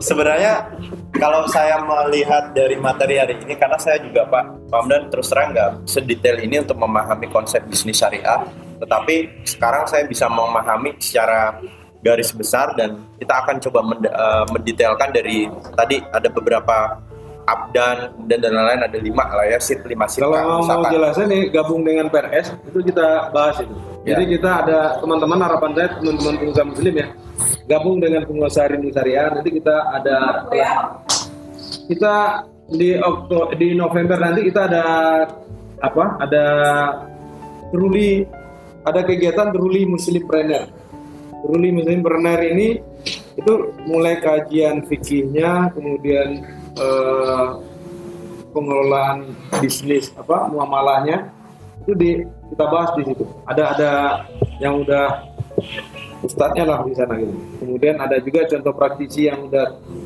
sukses menjalankan bisnis syariah itu dia ada testimoni termasuk yang kemarin Pak Saiful nonton sempat nonton nggak kemarin Sempat. sempat ya Sempat. Itu Pak Yoyo juga udah dia punya 98 cabang Iya, ya SS. SS orang SS itu juga Hmm. ikut di TMP Jadi harapan saya nih teman-teman bisa ikut Ruli Musim Trainer itu gabung dengan PRS nanti itu pakai Zoom.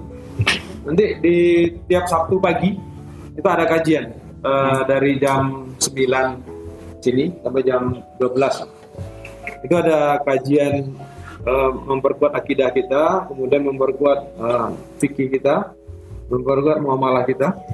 Ya.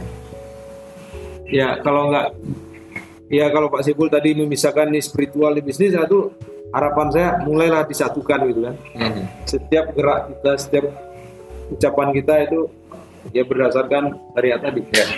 Justru, Hmm. ya, justru ini Pak sebenarnya it- itu tadi yang akan kita eh, mantapkan dalam diri kita masing dalam diri seorang entrepreneur atau penwirausaha lah ya Pak ya. Beberapa aspek tadi memang harus dimiliki dan itu mutlak kalau menurut saya.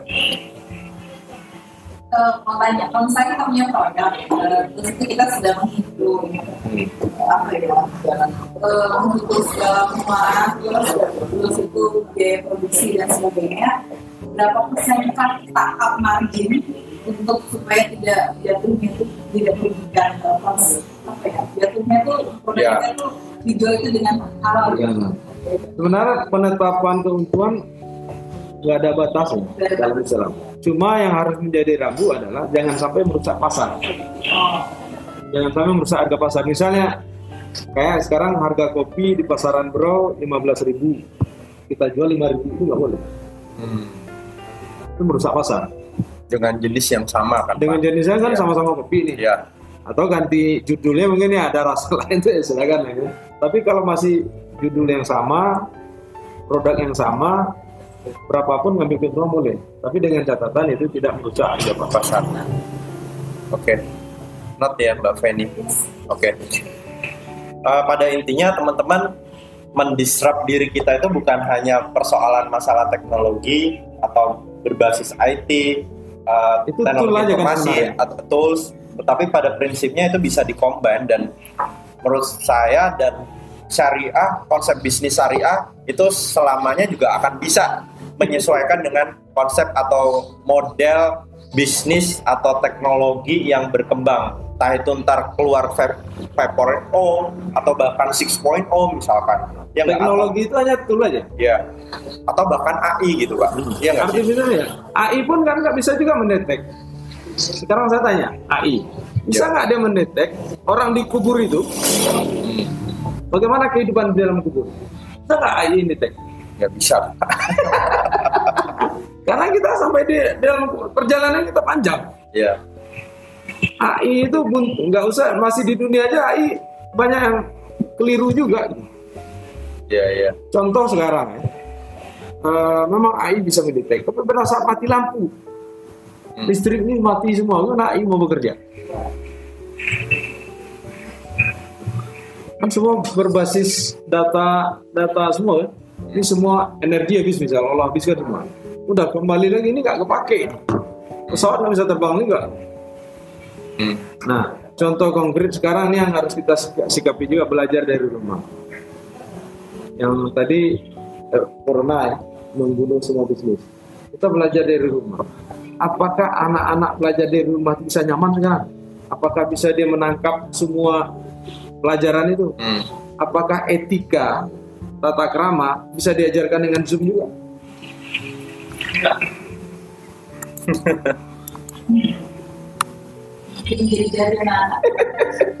Banyak, Pak. Terakhir kata miris. Ada bapak-bapak nggak sabar melihat anaknya. Hmm. Langsung dibunuh kan? Ya.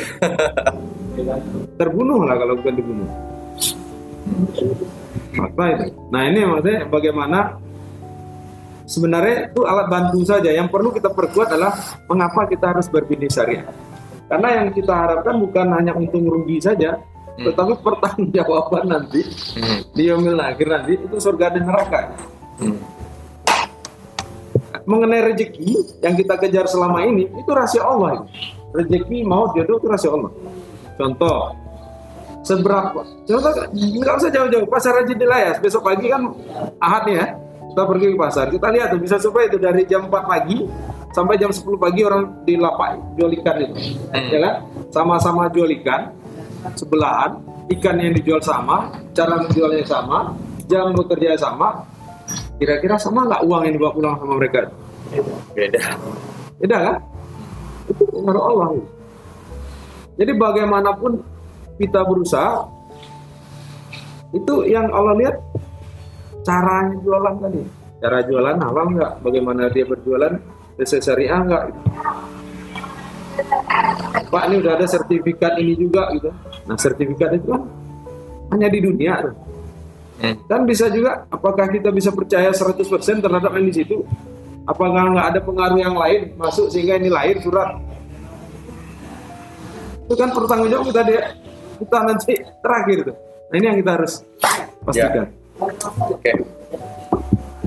Oke. Pak dan sip. Uh, last ya? statement.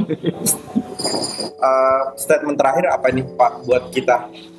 Yang Statement- bisa kita kutip mungkin quotes atau apalah motivasi bahasanya buat teman-teman yang masih ya termasuk saya yang masih memulai sesuatu yang baru. Eh, terakhir berbisnis salah sesuai syariah. Karena bisnis itu bukan hanya untung rugi tetapi surga dan neraka. Oke. Itu yang pertama. Yang kedua jangan sungkan untuk belajar. Jangan sungkan untuk belajar. Nah saya beri ruang untuk belajar digabung di pengusaha syariah nanti kita akan adakan juga itu Truli Muslim Trainer betul-betul menjadi entrepreneur muslim sejati gitu. Bukan saja kalau kita melihat disrupt tadi disrupt teknologi atau digitalisasi teknologi itu hanya alat bantu saja. Apakah alat bantu itu akan bisa bertahan lama atau tidak kita bisa lihat selama ini. Itu nggak ada yang bisa bertahan lama. Tapi syariat itu sampai pertanggungjawaban kita di yaumil akhir nanti itu akan tetap dipakai. Jadi jangan sampai kita tertipu oleh alat sehingga meninggalkan syariat. Jadi mulailah dari sekarang bagaimana berbisnis sesuai dengan syariat Allah. Karena itu akan menentukan kehidupan akhir kita di akhirat kelak. Apakah surga atau neraka yang akan kita tempati. Demikian. Terima kasih Pak Hamdan, luar biasa sekali ilmunya, sharingnya buat kita semua. Uh, dan juga waktunya yang udah di apa berikan buat kita semua buat dapat ilmu pada malam hari ini. Uh, sekian dari saya pribadi, semoga ini bisa bermanfaat dan juga bisa memberikan paradigma baru buat kita sebagai seseorang pemula yang mulai usaha, mulai dari usaha yang kecil bahkan yang skupnya besar mungkin ada Mas Adi, Mbak Feni di sini yang udah juga udah jalan bertahun-tahun dalam bidang kewirausahaan. Terima kasih Pak Hamdan sekali lagi. Sekian saya akhiri. Assalamualaikum warahmatullahi wabarakatuh. Selamat malam dan salam sejahtera buat kita semua. Waalaikumsalam mohon maaf ya kalau ada kata salah Ya.